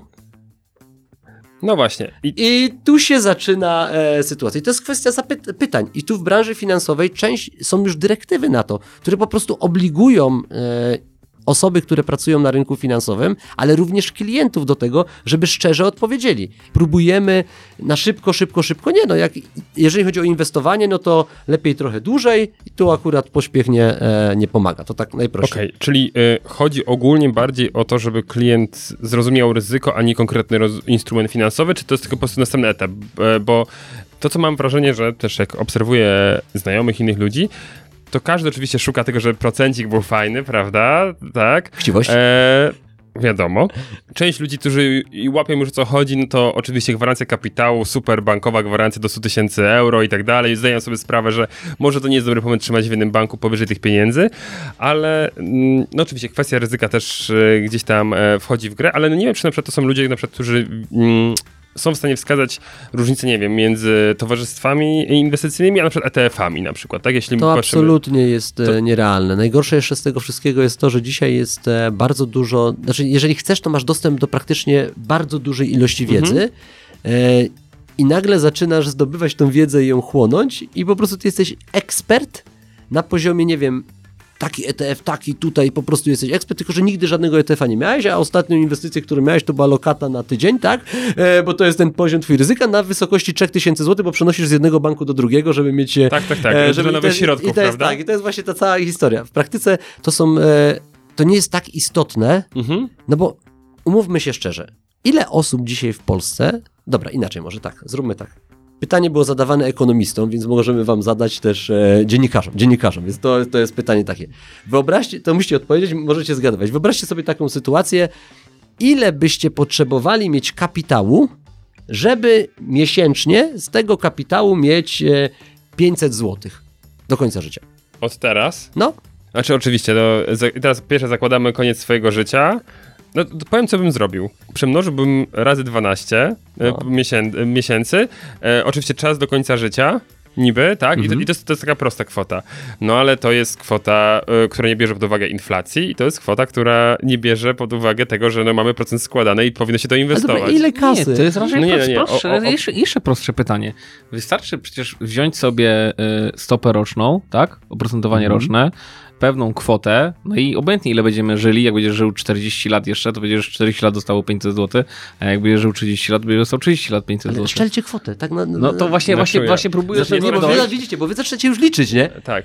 Bo wiecie, zadano te pytanie, ja, ja nie dam milion 500. 200, widzi- 200 To już tysięcy. 200 tysięcy. Słuchajcie, zadano te pytanie. e, Jak 200 tysięcy? Ale dobra, widzisz, No ale dobra, składasz. spoko. No, E, ja, ja, Piotr, ja nie też ma bym miał mniejsze kwoty bym Ale składał. Piotr, Piotr, nie ma znaczenia. Zadano te pytanie, na, bo to były studia po prostu e, z No. doradztwa finansowego i zadano te pytanie dziennikarzom ekonomicznym.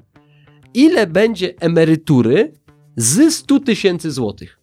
Bo to było takie pytanie. No i, i dlatego pytam w drugą stronę was zapytałem, żeby nie było to samo, tak? Ale oni zadali, ile będzie emerytury ze 100 tysięcy złotych. I przeciętny dziennikarz ekonomiczny mówił, że to będzie 2-3 tysiące miesięcznie. I teraz słuchajcie, jeżeli to mówi osoba, nie, nie, nie osoba, która kupuje rozwiązanie, tylko osoba, która po prostu dopiero zajmuje się tym, dziennikarz ekonomiczny. Jaki to jest poziom świadomości? Co to znaczy, że 100 tysięcy masz 2-3 tysiące miesięcznie emerytury? No to to zakłada, że będziesz żył na emeryturze 2 lata.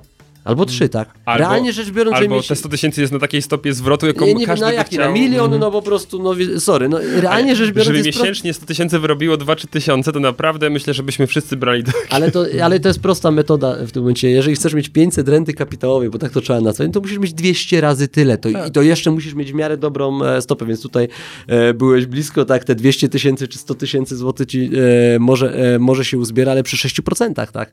A przy, e, a przy 3% masz, musisz mieć 200 tysięcy, żeby mieć kapitał. No to zobacz, żeby mieć 3000 emerytury, no to musisz mieć bańkę zebraną. I teraz to o to chodzi, wiesz, to, to jest tego typu rozmowa. I teraz ja, wróciliśmy a propos tego Tak, inwestowania. tak, tak. I teraz rozmowa na temat ETF-ów, różnych inwestycji, tego wszystkiego, to, to wszystko ma sens, ale pod jednym bardzo ważnym warunkiem, jeżeli mówimy o odpowiednio wysokich kwotach. No bo jeżeli mam z tego mieć jakiś e, poziom zysku, który mnie zadowala, czy nie wiem, że nie mam przynajmniej kasę na życie, tak? To nie wiem, 2-3 tysiące w Polsce na, na przeżycie wystarczy, tam nie na samochody, no nie wiem, na jedzenie, tak? I na, na prąd i wodę mo, może, to, może to wystarczyć, tak? No żeby mieć takie 3 tysiące, no to, no to kiedy uzbierasz te 2 miliony na przykład, żeby mieć z tego procenty? No bo ale my myślimy, że nie wiem, zainwestujemy 50 tysięcy i nagle to urośnie milion procent i po prostu i będziemy super milionerami, tak? I na tym mamy problem. I to nie jest kwestia zastanawiania się, czy to ma być ETF, fundusz inwestycyjny, lokata, tylko jest, my musimy wrócić do tej świadomości, że kapitał się buduje pokoleniami.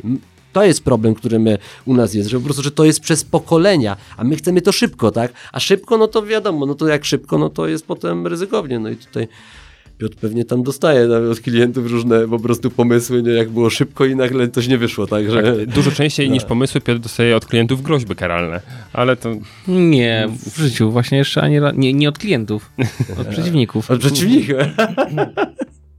No to, no to właśnie, no to nie klientów właśnie, no, a ty wiesz, powinien się zastanowić nad właśnie, to jest, wiesz, taki, wiesz, co jest najważniejsze. jestem Istotnie nie, są, nie jest tylko nasi klienci, nie są najważniejszą grupą docelową, tylko ci, co nie zostali klientami, więc wiesz, to jest, to, to jest takie, wiesz, podejście, bo zawsze ta grupa klientów jest ograniczona. Ale tak, tylko na przykład w moim przypadku jest, ja na przykład teraz bardzo mocno ograniczam tą grupę klientów i nie chcę więcej. Mówię Nie to z, przyjdźcie, z pełną nie świadomością, nie, nie, bo, bo moce przerobowe się skończyły i nie jestem w stanie dać dobrej usługi, e, jeżeli pojawi się nowy klient. Nie? I, powiedział mecenas Adrian e, Kowalski. Czyli rozumiem, że ceny idą w górę. A to jest zapowiedź podwyżki cen, tak? ale to, to otóż... Nie, to ja właśnie, no, to, no, już wiem dlaczego, ja już wiem dlaczego ten, e, e, dobra, ja słyszę taki dowcip prawniczy, ale ja go teraz chyba nie opowiem. Nie, nie. Dawaj, dawaj. Jeśli... E, etyka w zawodzie adwokata. ale, E, kto, ale który dowcip? To jest o adwokatach. więc Nie, nie, Ale- o ale- to było chyba u was, o komorniku o krześle w waszym podcaście, ale Tak. ten, to było u was, ale to ja to wczoraj byliśmy na spotkaniu i właśnie dowcip, dowcip radca, pra- to oczywiście wyszło od radcy prawnego, żeby No, była sprawa jasna, to nie, to nie było tak, że ktoś O. inny to mógł wymyśleć. To nie? No i nieśmieszne, to nieśmieszne. Jest, to na pewno nie będzie śmieszny dowcip, więc chodziło o to, ja, ja zawsze spierdzielę y, dowcipy, więc y, jakbyście nie zajeżyli puenty, to mi powiedzcie nie. To, dobra, ogólnie rzecz biorąc chodziło o to, że przyszła pani w sprawie spadku do, e, do tego radcy prawnego i ten, ten radca tam przygotowuje, to, no, mam taki problem po prostu, nie, jak tu sobie poradzić z tym wszystkim, nie, no i no i tutaj, no, no, i tam, no i w sumie ten, e, no i w sumie już wszystko pozałatwiane, no i ta pani wychodzi i wyciąga, wyciąga z kieszeni e, pieniądze, tak? I, I dwa banknoty e, się i skleiły. Dwa banknoty. To ja dokończę. Ta, no to może dokończyć. no, dwa banknoty się skleiły i pani już wyszła. Dwie stówy. Dwie stówki, tak, miało być za poradę.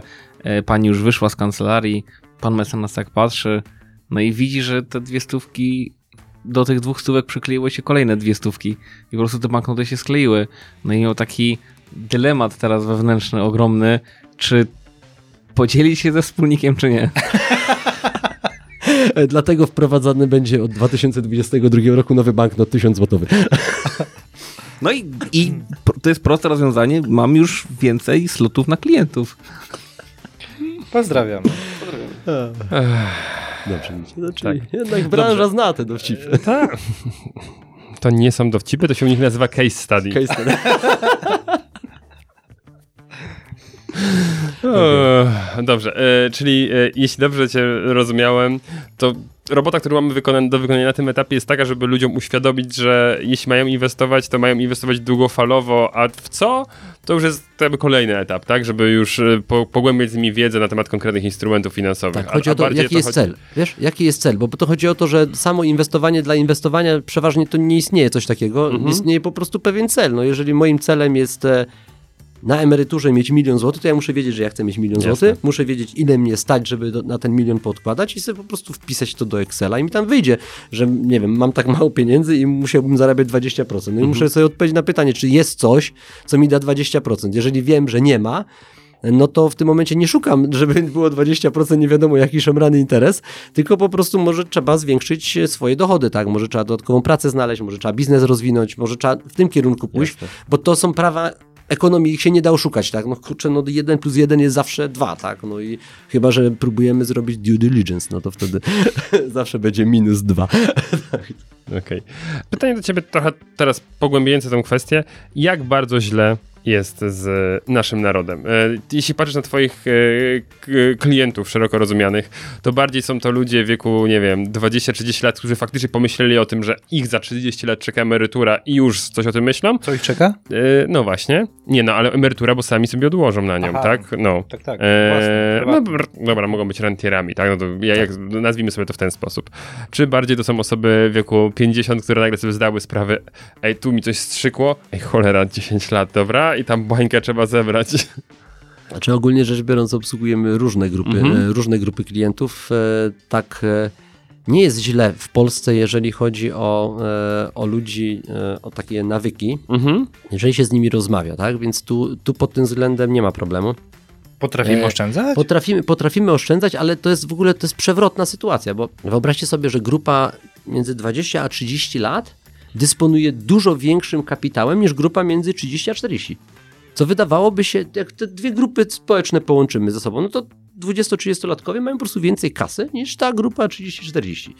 To by mogło się wydawać, no przecież, przecież oni zarabiają więcej, przecież e, mają już przedsiębiorstwa. Większe wydatki mają. E, Ale jest, jest inaczej wydajemy, tak? My mamy problem z wydawaniem. To jest ten współczynnik konsumpcji, który u nas jest, on jest e, olbrzymi. Rząd się cieszy, inflacja, to wszystko super chodzi, więc tu jest napędzanie tego, tego wszystkiego. Wszystkie programy pokazują na to, że dobra, wydawaj kasę, jeszcze się ludzie napędzają, a to wyciągnij te pieniądze z banku, bo to trzeba było coś kupić, bo musisz zainwestować i wszystko, ale tutaj jutro ci damy podatek katastralny. To, to w ogóle wszystko, takie pomysły są bardzo, bardzo, e, bardzo wesołe. Realnie rzecz biorąc nie jest aż tak źle, e, natomiast e, kwestii długoterminowych oszczędności jest olbrzymi problem wieloletni, bo takie rezerwy, jeszcze jakąś tam gotówkę na krótki czas, to większość z nas ma, natomiast jest nam trudno budować ten kapitał pokoleniowy, tak? Te milion, dwa miliony, żeby popatrzeć, ile gospodarstw domowych ma taki płynny majątek, to jest tego mało. Mamy nieruchomości, mamy tam pola, to tak, ale żeby to było płynne, celowe, to jest, to jest, to jest słabo, więc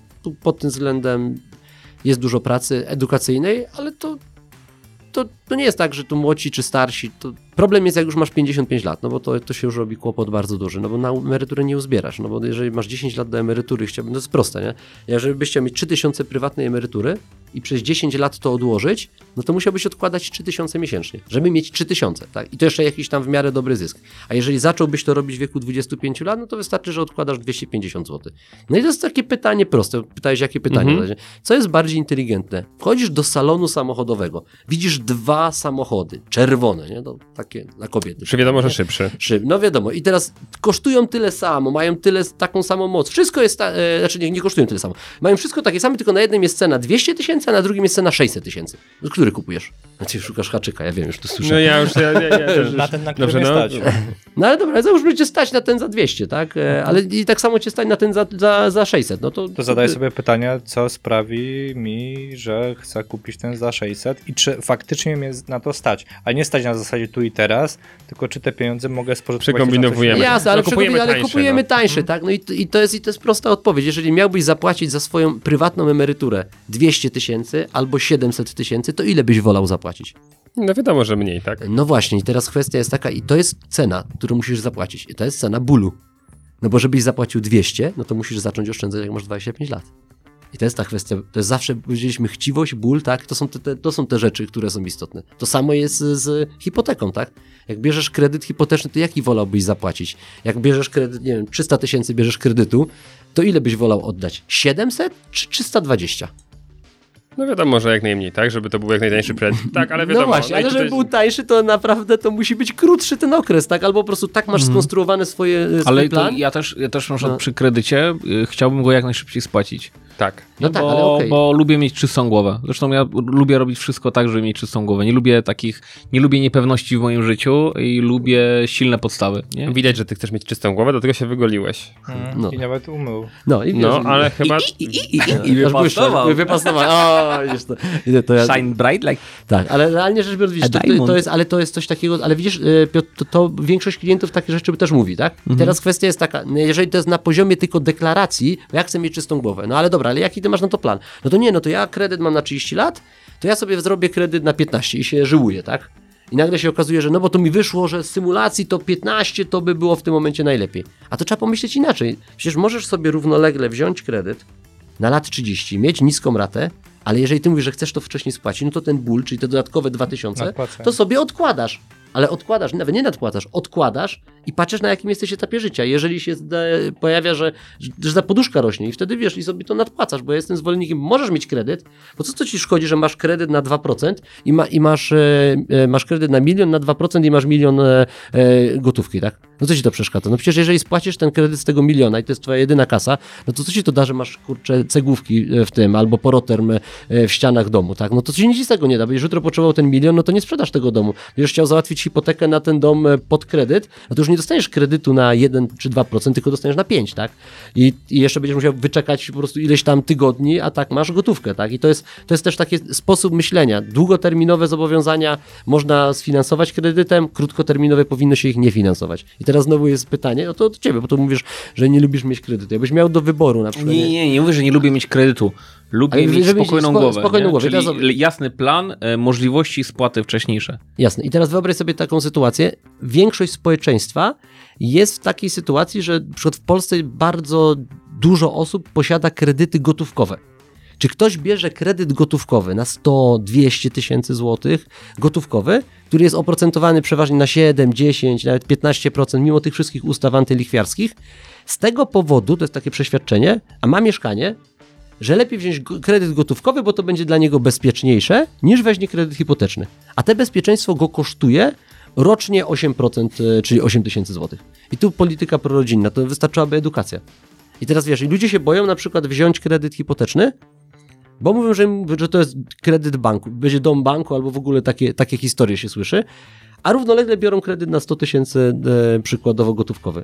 To jest też ta kwestia edukacji. Podejmowanie decyzji, jeżeli rzeczywiście potrzebuję pożyczyć, to jest bezpieczniej dla mnie, że ja mam małą ratę, czyli małe to zobowiązanie dla banku, bo mogę zapłacić sobie zawsze, tak? E, a jak, ma, jak muszę nagle, no to się robi problem. Rozmawialiście o, o samochodach w jednym z podcastów a propos tych rad leasingowych Tak, tak. i innych rzeczy, że fajnie, mam tu 6 albo 10 tysięcy raty. No i to jest właśnie kwestia taka, że mieć spokojną głowę, to po co to wszystko sobie nakładać na, e, na siebie, żeby się po prostu, nie wiem, bo ktoś inny jeździ takim samochodem, to ja też bym musiał takim jeździć, to są, to są tego typu decyzje, żeby robić to, robić to ze spokojem i się tym nie przejmować. Ale tematów jest no bardzo dużo, tak, jest przy każdym punkcie.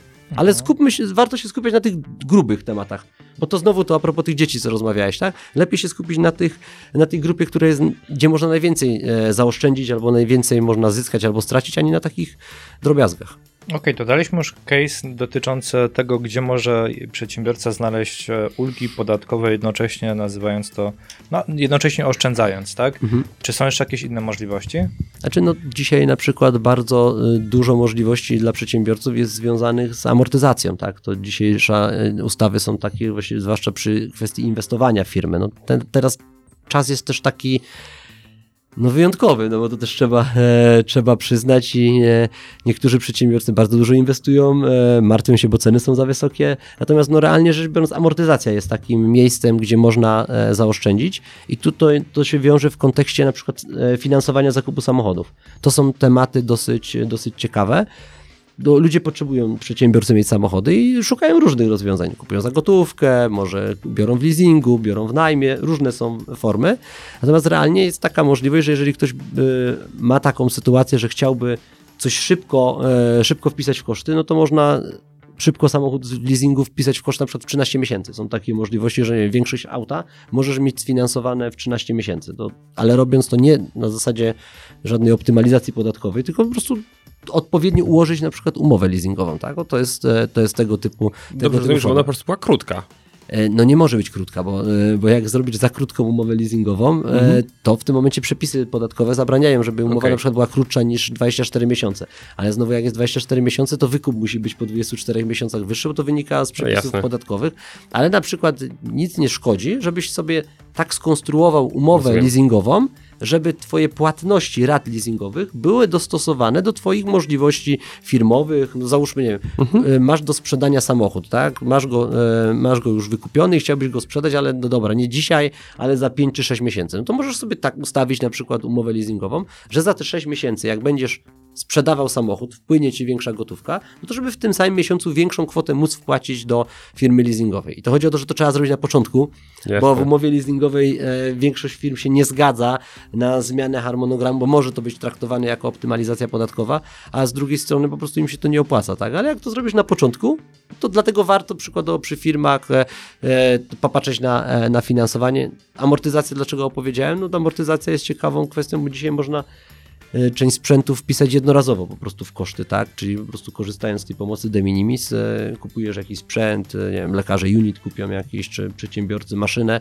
i ona jest po prostu jednorazowo amortyzowana. Tam albo... jest jakieś kwoty chyba, tak? Tak, tam jest chyba do 200 tysięcy euro. To są różne rzeczy, ale to, to, jest, to jest jakieś wsparcie i to jest takie akurat wsparcie dla przedsiębiorców dosyć duże. E, No i to jest też ważne znowu, e, jak to wpisujesz w koszty, czy jak chcesz finansować swój biznes, bo jeżeli rzeczywiście za jakiś czas masz potrzeby inwestycyjne, no to ważne, żebyś nie robił sobie teraz za dużo kosztów, no bo jak przyjdziesz do banku, to bank się ciebie pyta, jaką ty masz zdolność do spłacania tego wszystkiego. Nie pyta się, jakie ty masz tam obroty, e, tylko po prostu patrzy też, e, czy ty potrafisz zarabiać, tak? I tu na to trzeba też zwrócić uwagę. Też jednym z odcinków mówiliście tam o kosztach e, strojów roboczych, no właśnie, to były stroje robocze, tak właśnie, detektywistyczne. Ale, ale też to też czasami jest kwestia taka, że warto nie prze, przekombinować się za bardzo, bo potem nagle się okazuje, że chcemy dobre finansowanie, no i, i się nie da. I tu notabene czasami prywatnie można dostać dużo lepsze warunki e, niż e, na firmę. Tak, czyli nie zawsze się opłaca iść zgodnie z duchem tego, co mówimy, że e, podstawą działal- prowadzenia działalności gospodarczej w Polsce jest strata. Zależy jak długoterminowo myślisz, nie? E, To znaczy, wiesz, jeżeli ta strata wynika, no właśnie, no dobra, ale to też... E, Mówimy świadoma strata, prawda? Tak, Żeby- jeden z podcastów słuchałem na temat właśnie firm pokoleniowych, rodzinnych i, i to czasami warto popatrzeć tak też z perspektywy właśnie pokoleń, a nie tylko roku, więc no, ja wiem, że to temat permanentnej straty jest, jest taką ulubioną, ulubioną historią polskich przedsiębiorców, ale tu się zmienia pozytywnie. To, to, to z tego powodu to mogę powiedzieć, że te pomysły na przykład dotyczące ryczałtu mogą być e, ciekawe dla wielu przedsiębiorców, już też e, e, no nie we wszystkich branżach, no bo tutaj Piotr jest w podobnej branży co ja, no to my się tam nie wymigamy, więc to jest, to nie ma, nie, ja na szczęście jeszcze VAT-u nie mam, to jest jedyna, jedyna, jedyna rzecz, ale to też może się zmienić, no bo Piotr nigdy, się tylko uś uśmiecha e, No. na, na słowo wymigamy. no, on no, się- bo, no bo się on nigdy się taki uśmiech, wymiga. Taki uśmiech Monalisy. tak, Tak. tak, tak, tak, Tam nie wymigamy, nie wymigamy. Strata tata. no. Spółki Piotra na e, Cyprze, Seszelach e, i Kajmanach mówią co innego. A to, to, spółki mówią. Okej, to, to już mamy jakby temat kolejny pomysłów właśnie, gdzie, gdzie szukać e, trzeba to nazwać wprost oszczędności, tak, podatkowych, no Tak. bo e, tak jak już powiedzieliśmy, też jestem tylko zwolennikiem, że oczywiście podatki trzeba płacić, natomiast trzeba też wykorzystywać przepisy, które mówią jasno, gdzie możemy ograniczyć tą ilość podatków. Mm, Czy jeszcze jakiś inny pomysł e, przychodzi Ci do głowy? To znaczy, no, e, wiesz, z jednej strony to są oszczędności podatkowe, ale tu bardziej trzeba się zastanowić też e, w takiej dłuższej perspektywie w kontekście przykładu finansowania biznesu. Jak tu mówimy, wielu przedsiębiorców słucha tego podcastu, to jest też taki częsty dylemat, jak oddzielić te życie prywatne od biznesowego, to są takie... Work-life balance. Tak, jeszcze, a to jest w ogóle jeszcze To- to najlepszy, inny nie? temat. E, To jest inny temat, ale jak już, jak już przejdziemy do tego tematu e, od strony, od strony finansowej, często jest tak, że przykładowo ktoś się w firmie napina, żeby wziąć kredyt na maszynę, e, załatwia tutaj, tu bank chce taką marżę, oprocentowanie, jakaś prowizja i na 4 lata kredyt i w ogóle debaty jakieś tam inne dziwne, no oczywiście mówimy o jakichś takim większych kwotach, a równolegle ma swoje mieszkanie, które ma za gotówkę kupioną. I teraz, co by można było w takim przypadku, y, przypadku zrobić? Można było skorzystać z tej nieruchomości jako formy zabezpieczenia i prywatnie sobie wziąć, nie wiem, na pożyczkę nawet hipoteczną, tak? I mieć, dostać gotówkę pod zastaw mieszkania, ale różnica będzie taka, że kredyt prywatny bank nie sprawdza co kwartał ani co pół roku Twoich dochodów. I masz kredyt na 20 czy na 30 lat, pożyczkę, masz gotówkę, którą mogłeś zainwestować w firmę, tak? E, Okej, okay, no jest to minusem, no bo no, musisz to oddać, tak? No, bo jak, no, to, no ale, jak, no ale co to za różnica, tam, że wiesz, że, no dobrze, no ale masz, wiesz, i ma, ale co jest ważne, weźmiesz 100 tysięcy, no to masz ratę 400 zł albo 500, tak? A jak weźmiesz 100 tysięcy w kredycie inwestycyjnym na 4 lata, no to nie dość, że nie będziesz miał oprocentowania 4%, tylko będziesz miał gdzieś 7%, no bo tak mniej więcej dzisiaj te oprocent, no dobra, okej, okay, są tam jakieś tam dofinansowane pożyczki, no ale to trzeba naprawdę wąsko być, żeby się w to Mhm. znaleźć. Jest, jest kasa, tak? I bierzesz te na 4 lata, no to musisz oddać 25 tysięcy rocznie samego kapitału, no plus odsetki. No to ci się robi w tym momencie 3 tysiące miesięcznie. No I teraz znowu, co jest bardziej inteligentne? Płacić 500 czy płacić 3 tysiące? Tak, ja, tak ja prosto. to zależy. Oczywiście, i to jest właśnie to zależy, tak? Natomiast no, z perspektywy bezpieczeństwa tego przedsiębiorcy, a na koniec tej rodziny tego przedsiębiorcy, no bo po co te biznesy prowadzimy? No po to, żeby zaspokoić swoje potrzeby, swojej rodziny, tak? No i to, jeżeli mogę to robić bezpieczniej, tak? No to, no to, to zrób, zrobię to w taki sposób. To lepiej mieć mniejsze te wydatki i oczywiście znowu podkreślam, jeżeli mnie stać na to, żeby te 3000 płacić, no to sobie odkładam, żeby to jak najszybciej się tego pozbyć, tak? Ale znowu, to jest dobrowolność. A przy kredycie firmowym jaka będzie sytuacja? Przy pierwszym spadku obrotów do banku, to bank wyśle pismo, proszę prześlij mi wszystkie kwity. Nieważne, czy to jest spółka, czy to jest osoba fizyczna prowadząca działalność, albo jeszcze nie wiem, ci wejdzie, dostaniesz mandat. Ja kiedyś miałem taką akcję, że e, miałem kierowcę w ogóle, ale to młodzieńcze wybryki, nie? Miałem kierowcę, e, no i on po prostu sobie gdzieś tam złapał mandat i kiedyś było tak, że te mandaty nie przychodziły do, e, do urzędu skarbowego albo gdzieś tam do ciebie, tylko one, wiesz, do, one od razu szły do komornika, nie? To, I poszedł do komornika i nagle komornik zajął mi na koncie 400 zł e, za mandat, e, który był 100 zł, 200, tam 300 zł jeszcze opłaty, więc ściągnęli mi to z konta natychmiast. No i przyszedł moment odnowienia linii kredytowej na koncie. Obroty, wszystko było, no i procedurze bankowej napisano, no w przypadku zajęć komorniczych, no nie ma odnowienia linii kredytowej. No i bank mi mówi, no, no to pierwszego mi mówi, no bo panu zawsze pierwszego wpływa, e, wpływają środki na konto, no to panu zajmiemy od razu konto całe, te 80 tysięcy już zabieramy, pan miał wykorzystane, ale to skończyła się ta linia i teraz oddaj 80 tysięcy. No i teraz z dnia na dzień masz na przykład oddać 80 tysięcy. I teraz o co chodzi? Przy kredycie tak samo bank powie, no mówi, no okej, pana obroty spadły, albo teraz pan, proszę przynieść teraz PIT i straty, nie? A on mówi tutaj, a tu amortyzacja była tutaj, no, no takie dochody. No i bank mówi, no to wie pan co, no to nie mamy dla pana takiej złej informacji, bo jakby pan tak e, połowę tego kredytu teraz mógł spłacić. Miałem klienta, który miał 10 milionów kredyt, e, znaczy ja mu nie pozyskiwałem tego finansowania, do mnie przyszedł z tym problemem w dużym banku ze Śląska, e, miał, ten, e, miał, te, miał te finansowanie, no i okazało się tak, że tam mu się coś interesy za granicą, e, no coś mu się pochrzaniło, przesunęły jakieś tam statki, nie dopływały, no, nie było tak wesoło. I nagle bank powiedział, no to dobra, to my panu te 10 milionów teraz e, musimy wypowiedzieć, ale damy panu taką możliwość, pan to spłaci tylko w 24 latach, co miesiąc po 500 tysięcy. No i ten, no i e, no i wyobraźcie sobie, co z tą firmą mogło się wydarzyć. Wszystko jasne. no, wszystko na ten temat. I, to, I dlatego kwestia jest taka, co się okazało, i dokładnie ten sam klient, żebyście w ogóle było jaja. W tym samym banku dostał prywatnie 4 miliony potem za parę, e, pomogłem za parę miesięcy e, na finansowanie swoich nieruchomości i już tam część tego mógł ratować.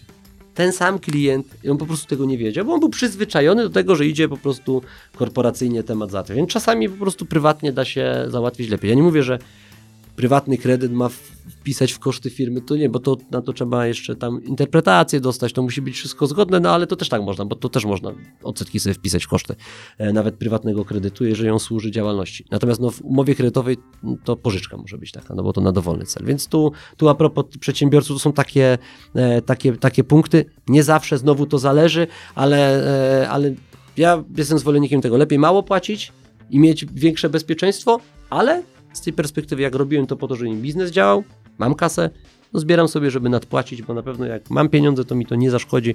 Naj, zawsze najgorzej jest, jak ich się nie ma. Chociaż Henry Ford powiedział kiedyś, że no skończyły się pieniądze, czas zacząć pracować, nie? albo myśleć, nie?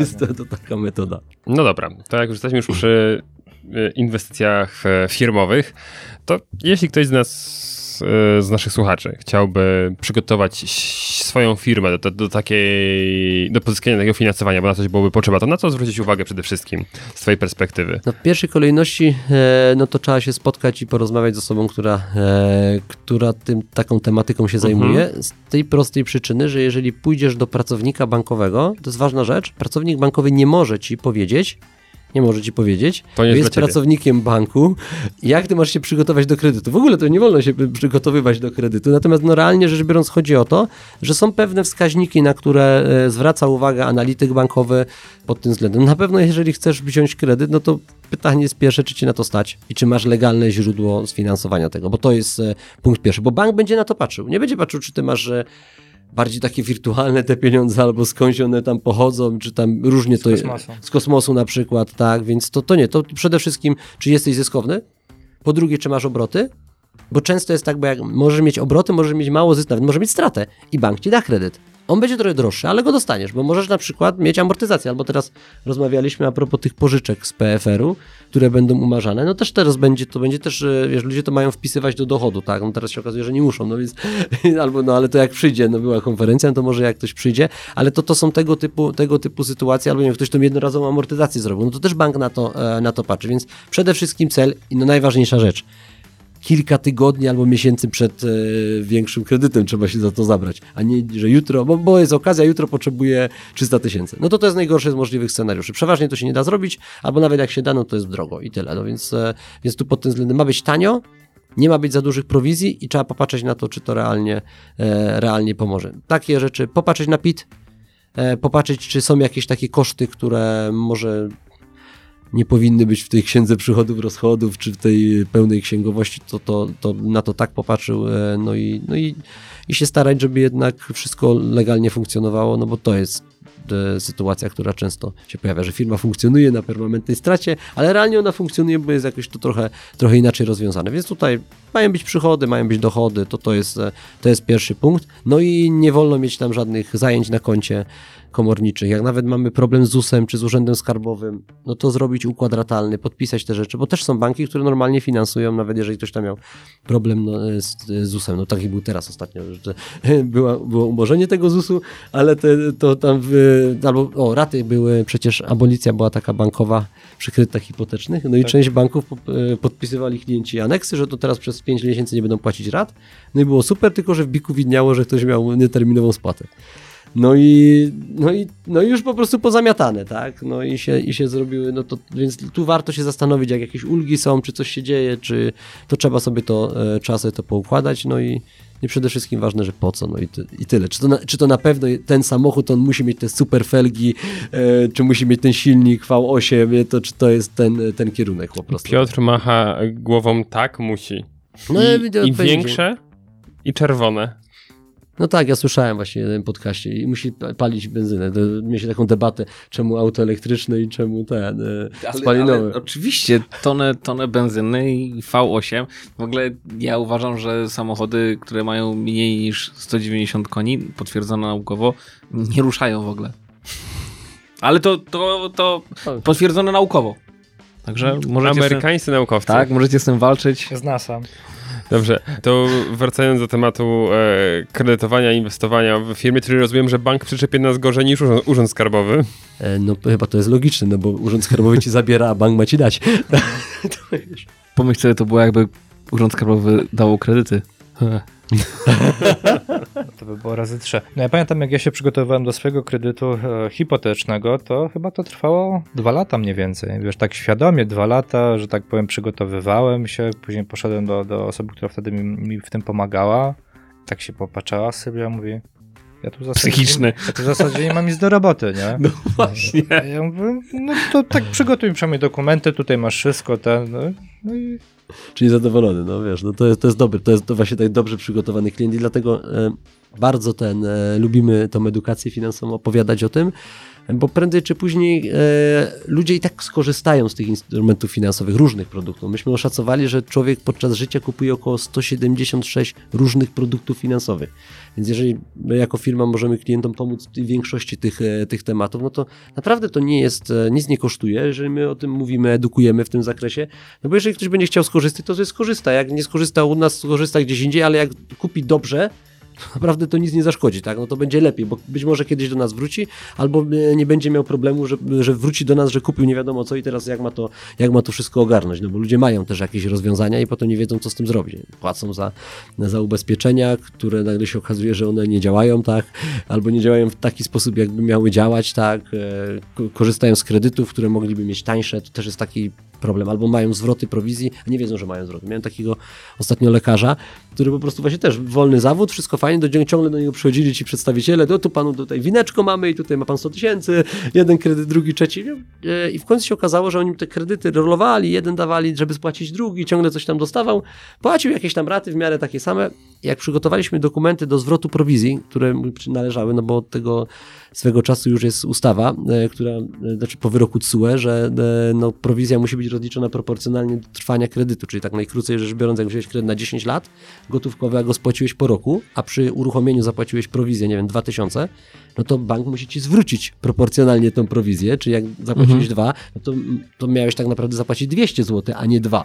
No i, i u tego klienta pisaliśmy 38 pism o zwrot prowizji, tak? 38 e, pism do, do trzech banków to po prostu było nagminnie. Do, odzyskał kilkadziesiąt tysięcy złotych. Mhm. Bo taka to była kwota. To ciągle było rolowane, klient tego nie widział, tak? Że to tak, e, tak jedzie. On cały czas miał kredyt taki sam, a te opłaty ciągle się pojawiały, więc tu, tu też e, to są takie punkty, które, e, które przygotować się. No bo to, bo to opłaty manipulacyjne, tak? Tak, opłaty, prowizje, ubezpieczenia, które były obowiązkowe na przykład do kredytów, które na przykład nie działały w ogóle, tak? Albo one działały, albo był zapis tak, że jeżeli kiedykolwiek byłeś u lekarza i nie, nie dochowałeś się do zaleceń lekarskich, no to tym momencie firma ubezpieczeniowa nie zapłaci odszkodowania.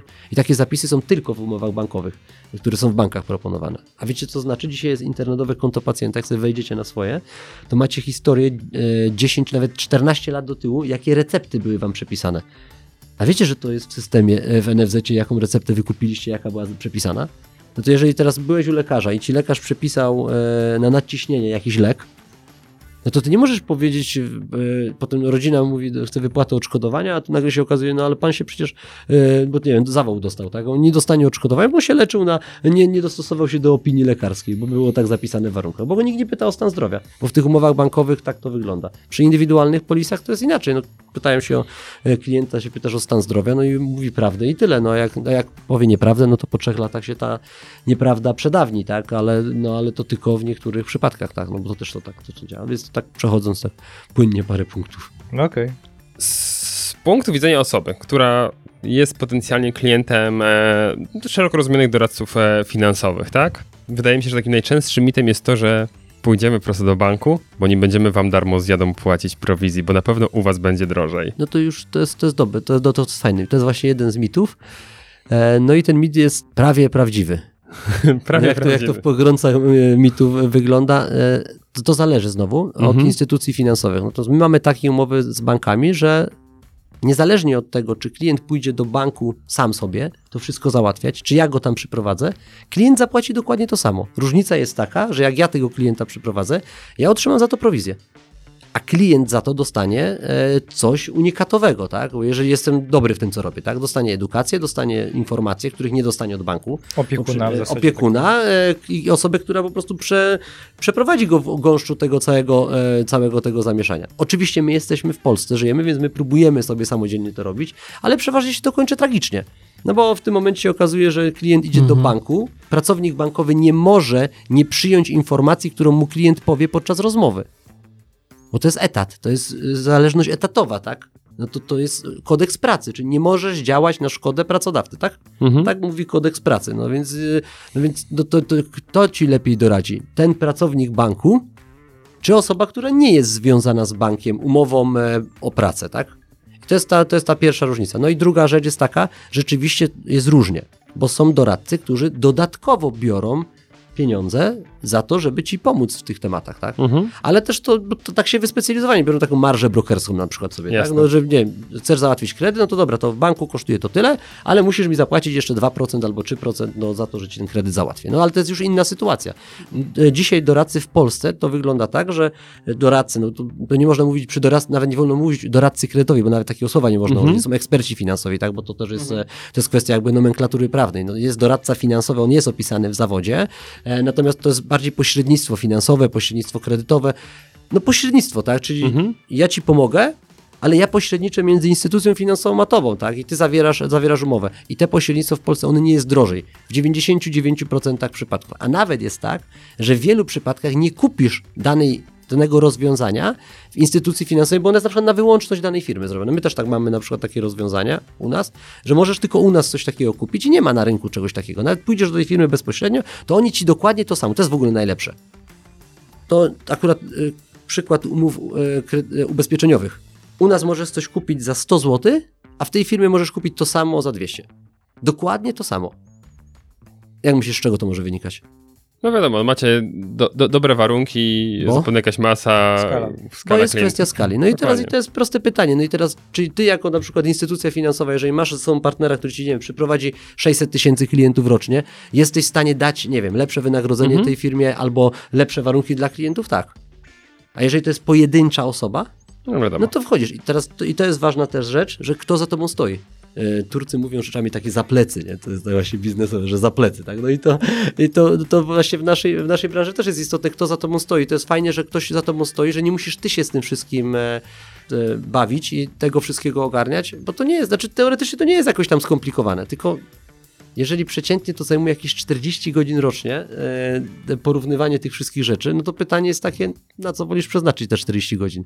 Czy na zabawę z dziećmi, na wyjazdy, na pojeżdżenie sobie po szosie, po prostu sprawdzenie sobie silnika e, samochodu, czy po prostu wolisz sobie siedzieć i, i porównywać te instytucje? No nawet, wiecie, zwykłe, no to, to najprostszy case, zwykłe ubezpieczenie mieszkania. Wiecie, ile jest firm ubezpieczeniowych, które oferują ubezpieczenia mieszkań w Polsce? 40. No jeszcze mniej trochę na szczęście takich mieszkań, albo to wiesz, no to, to, to porównaj sobie ogólne, a w każdej przynajmniej dwa produkty i każda w trzech wariantach. No to masz sześć na każdą firmę, razy tam 20-30, tak? No to ile masz tych ofert? Ubezpieczenia mieszkania.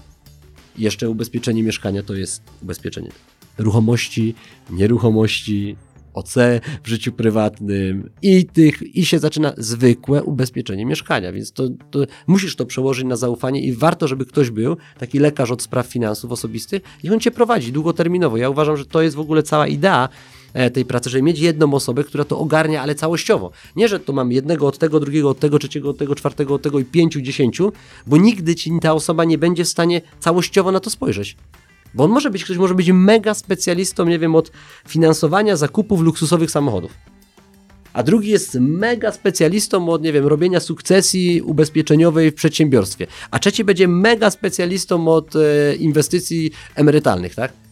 No ale to, co zbierzesz tych wszystkich ludzi, będziecie wspólnie robić e, burzę mózgów, to wyobrażasz sobie taką sytuację? To sobie możesz w kancelarii wyobrazić, że masz kilku mecenasów, e, kilku radców prawnych i debatujecie nad jakimś case'em, każdy się wymienia, ale to jest, ale to jest profesjonalna działalność, a nie życie codzienne, gdzie my po prostu musimy z pewnych rzeczy korzystać, więc warto mieć e, taką jedną osobę, mieć zaufanie do tej osoby, ale też ją sprawdzać.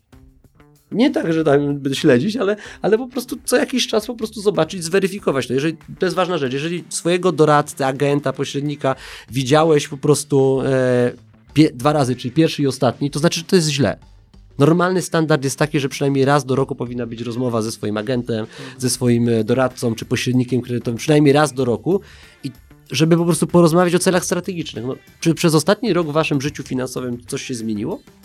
Dużo. każdego się zmieniło. Przecież u każdego. No i, i, no i co? No to co? No to, a rozwiązania macie jakieś? Pewnie każdy ma jakieś rozwiązania. Tak? I czy one są dostosowane do tego, co jest dzisiaj? No na pewno nie są dostosowane, ale przede wszystkim nie są do was dostosowane. Bo to o to chodzi, tak? A dlaczego nie są? No bo nam się nie chce.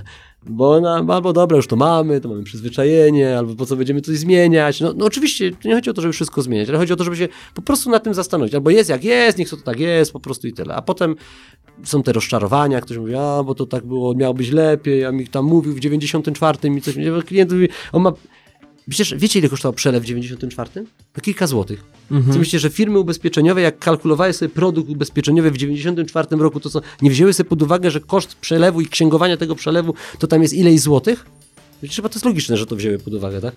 No i wpisały to w koszty produktu. No, to- no to chyba jest logiczne, że może być tak, że ten produkt może być droższy niż dzisiejszy. Albo i nie. No bo się zmienia sytuacja. No to, to mamy taki Mhm. news miałem wrzucony, nie? Straszny, nie? Y, Mateusz mówi, żeby go nie mówić, nie? Wiecie, że umarło 100 tysięcy ludzi więcej w tamtym roku niż e, w ostatnich, e, najwięcej od 69 lat. Mhm. No to straszne, nie? Więc jest tak. Od y, zakończenia II wojny, prawda? Mieliśmy największą przerost. Tak, ale 100 tysięcy więcej niż w ogóle w następnym roku, który był kolejny tam Pytanie, najwyższy. czy to wpłynie też mocno na kwestię związaną z ubezpieczeniami, z polisami na życie i tak dalej. no. Wpłynie bardzo mocno, bo towarzystwa ubezpieczeniowe, nawet e, mieliśmy taką rozmowę, to, to, to, to są trochę tajne informacje, ale, ale mogę wam powiedzieć, bo to jest Ale nam, kwestia- Ale mogę też powiedzieć? na antenie powiedzieć, bo to, bo to jest jakby to jest ubezpieczenia na życie, to notabene to jest matematyka. Tak. I to tak naprawdę matematyka aktuarialna, ta mega specyficzna, wąska e, dziedzina, ale to jest po prostu matematyka. Chodzi o to, żeby na koniec dnia, takie są też przepisy, że to, towarzystwa ubezpieczeniowe to są najbogatsze firmy na świecie. E, dlaczego tak jest? Z tego powodu, że firma ubezpieczeniowa w stosunku do banku się jedną rzeczą różni.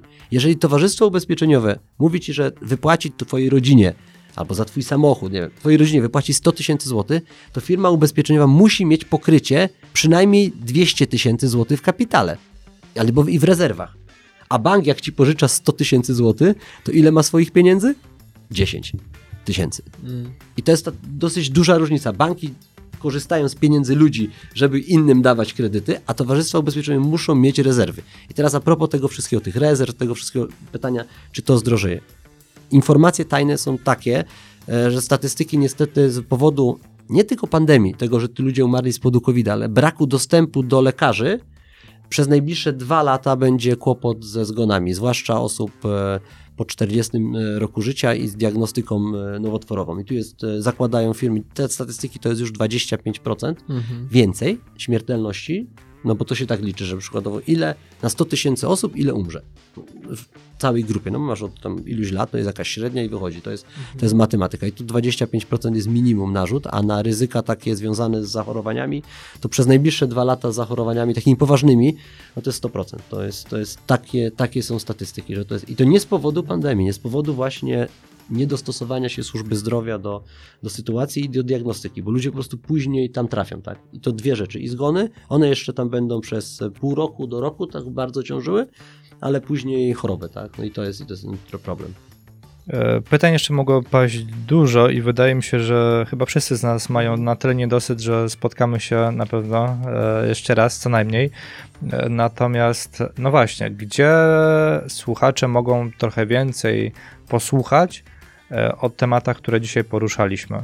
Na pewno zapraszam wszystkich na mój fan- mój fanpage Finanse z ludzką twarzą. E, można go znaleźć e, pod odcinkiem, pod linkiem, ale też tam znajdziecie do mnie kontakt osobisty, bezpośredni na wszystkie wiadomości. I tak każdy może do ciebie zadzwonić? Po No, prostu? można do mnie zadzwonić, ja jestem, e, można To zadzwonić. są ale- faktycznie finanse z ludzką twarzą. Tak, można zadzwonić, natomiast no, to, co mogę obiecać, to na pewno pomogę e, w, w rozmowie, natomiast czy będziemy razem współpracować, no to tak de facto zależy od, od warunków, tak, no bo to jest też kwestia taka, więc można zadzwonić, napisać, tym się, tym się różnimy od instytucji finansowych, na pewno na, e, na fanpage'a.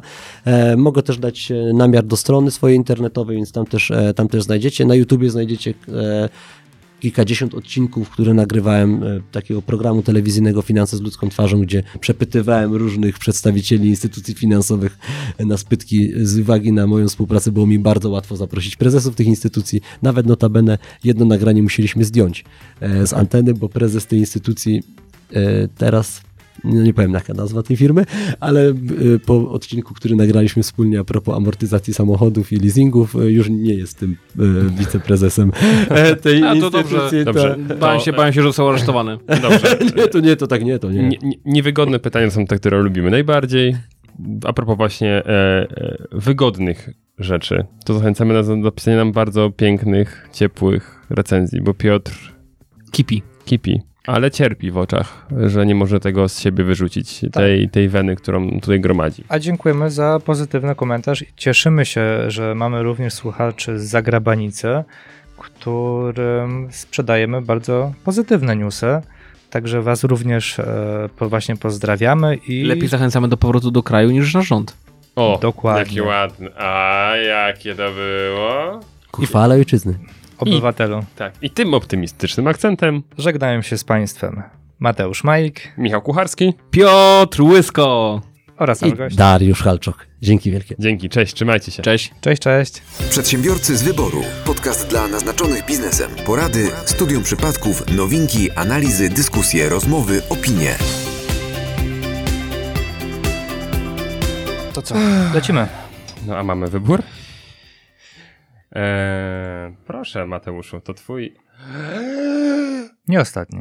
Nie ostatni. Ale co, że 88? No oczywiście, seks, władza i pieniądze.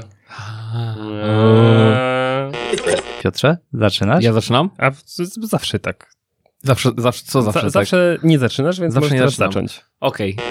A teraz Piotruś wyszedł na siku. Tak. Albo nie, nie, dzwoni kochanka do niego. No tak, tak, dzisiaj jest dzień kochanki.